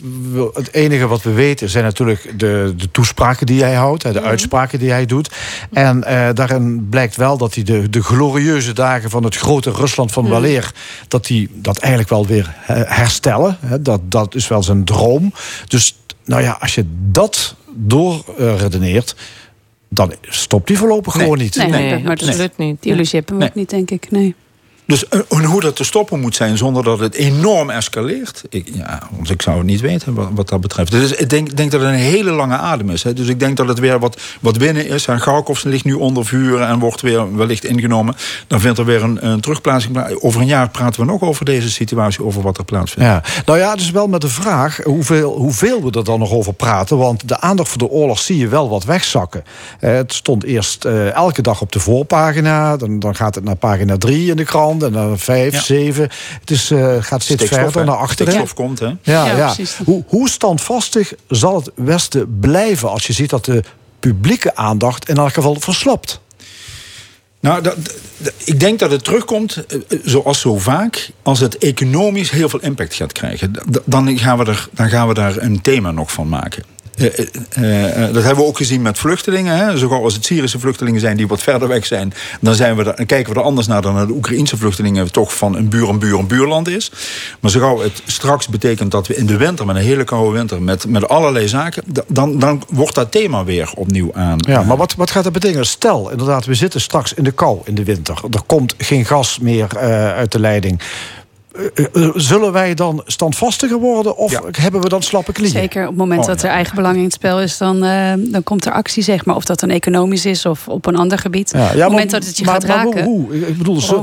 wat, wat, wat, wat zullen mensen. eh, eh, eh, worden we dan standvastig in de zin dat we eh, nog Misschien strengere meer- maatregelen meer- tegen Poetin eisen? Misschien, of, of, of juist. eh, misschien meer bewapenen. Ik weet het niet. Ik kan niet in de toekomst kijken. Maar wat, wat we wel weten is dat we, zodra we het gaan voelen op een of andere manier, dan komt er meer actie. Ja, Ja, en maar dan, dan worden andere beloftes natuurlijk gebroken. daarom. Dan, dan, dus dat moet dan steeds opeens, dan is worden. iets wat nooit meer zou gebeuren. Dan dat, wordt Groningen precies, opeens Groningen wordt dan opeens een ja. optie. Ja, en precies. En, en andere dingen. En dat, dat zie je al dat erop voorgesorteerd wordt. Als er Duitse patiënten komen te overlijden... omdat we aan Duitsland geen leveringsverplichting hebben... Moet Groningen, moet, wil Groningen dat op zijn geweten hebben? Dat is voorsorteren op iets wat er gaat plaatsvinden. Ja, weet je? Ja, het is dubbel. Aan de ene kant denk ik, ja, Oekraïne bij Europa, dan hebben we ook recht van spreken en kunnen we ook mee verdedigen. Als het erger wordt, dan is dat echt escaleert. Ik ben geen eh, voorstander van oorlog en zo. Dus het liefste op. op Ben je op geen voorstander van oorlog? Nee, nee, nee, nee. nee. Oh, ik nee, niet. nee, nee. Ik wil niet. geen oorlog. Nee, nee, echt niet.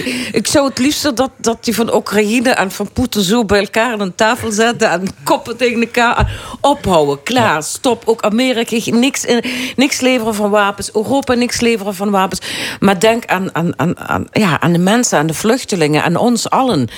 Dus eh, ja, als er strenge winter komt, dan, eh, dan gaan we anders piepen. Dus de ene zegt ja, meer wapens geven. En de ander zegt nee, we gaan geen meer wapens leveren. Maar we gaan wel eh, naar vrede toe. Kijken hoe we het kunnen samen oplossen. Maar het is een droom. Goed, ander thema. Karin van Gennep, onze minister van Sociale Zaken... die wil jongeren uit de Franse banlieues naar ons land halen... om te werken in de horeca en de tuinbouw. Niet alleen Franse, ook Spaanse werkeloze jeugd is welkom... om hier de handen te laten wapperen. Wat vinden jullie van dat idee? Ingeborg Dijkstra, Verbeek. Ja, nou dat, ja, dat, je eerst denkt, huh, wat zegt ze nou? Kijk, je kunt ergens begrijpen wat, uh, waar ze het vandaan haalt. Omdat ja, er is een tekort. Maar om dan te zeggen van we halen het specifiek daaruit. Terwijl, er nog, terwijl we aan de andere kant ook nu de voorpagina uh, van de kranten vol staan met een tekort aan woningen. En, en uh, nou ja, dus voor, voor uh, mensen die hier werken en asielzoekers.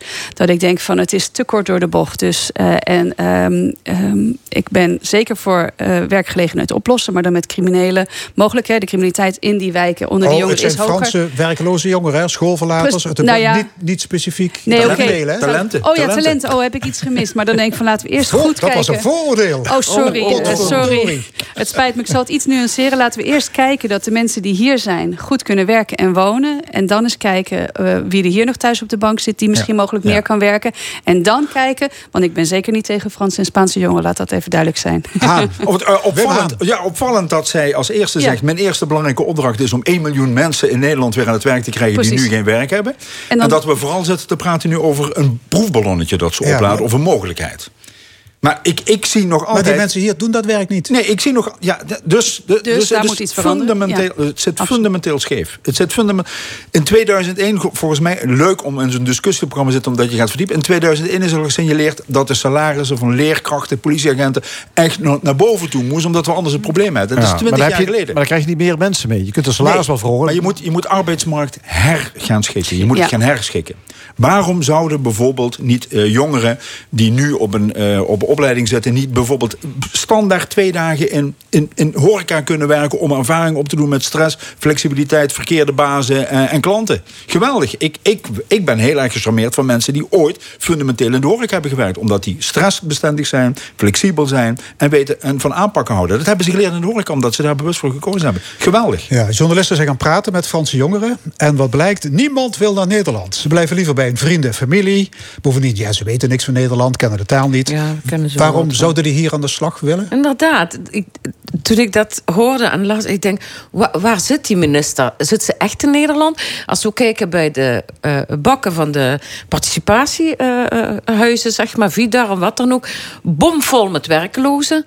Overal zijn werklozen, zijn overal schoolverlaters. Uh, jongeren die zonder werk zitten. Denk, hier in Nederland hebben ze geen werk en ze kunnen niet werken. Waarom? Weet ik niet. Werkgevers kunnen ook geen werknemers vinden. Echt schreeuwen om werknemers. Oekraïners die zitten thuis en in hotels, die mogen niet werken. Ze mogen echt niet werken, want ze krijgen leefgeld.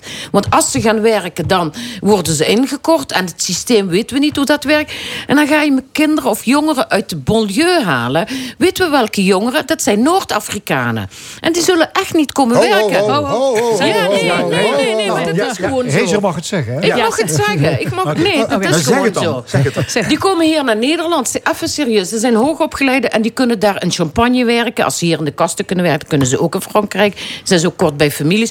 Ze komen niet naar Nederland werken. Ik heb met sommigen gesproken. Dan moeten ze ziekenfonds betalen. Dan moeten belasting betalen. Dus kunnen, blijven ze liever in de banlieue.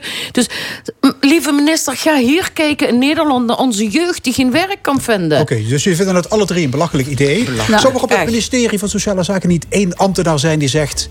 Excellentie, doe dit maar niet. Ja, zeg dit maar niet. Ik snap dat niet. Aan. Ja, nee, zo gauw als je met, uh, met, met de pers gaat praten, die ontlokt jou af en ja. toe. Oh ja. Uh, da, de journalisten hebben het gedaan. Ja, sowieso, sowieso. En dat is natuurlijk een hele mooie quote. Nogmaals, want ja. ze begint 1 miljoen mensen aan het werk te helpen. Ja, Hartelijk dat... dank. Ingeborg Dijkstra, Heetje Harzi en Wim Haan. Ja. En dit was de stemming. Vandaag gemaakt door Rob van Diermen, Fons Gerards en Frank Ruber. Graag tot volgende week zondag om 11 uur. Dit programma wordt herhaald maandagavond om 8 uur. Het is ook te beluisteren via onze website l1.nl en via podcast. Dit is wel geteld de 150ste podcast van de stemming. Zometeen bij L1 Pinkpop. Ik wens u ook een hele mooie zondag.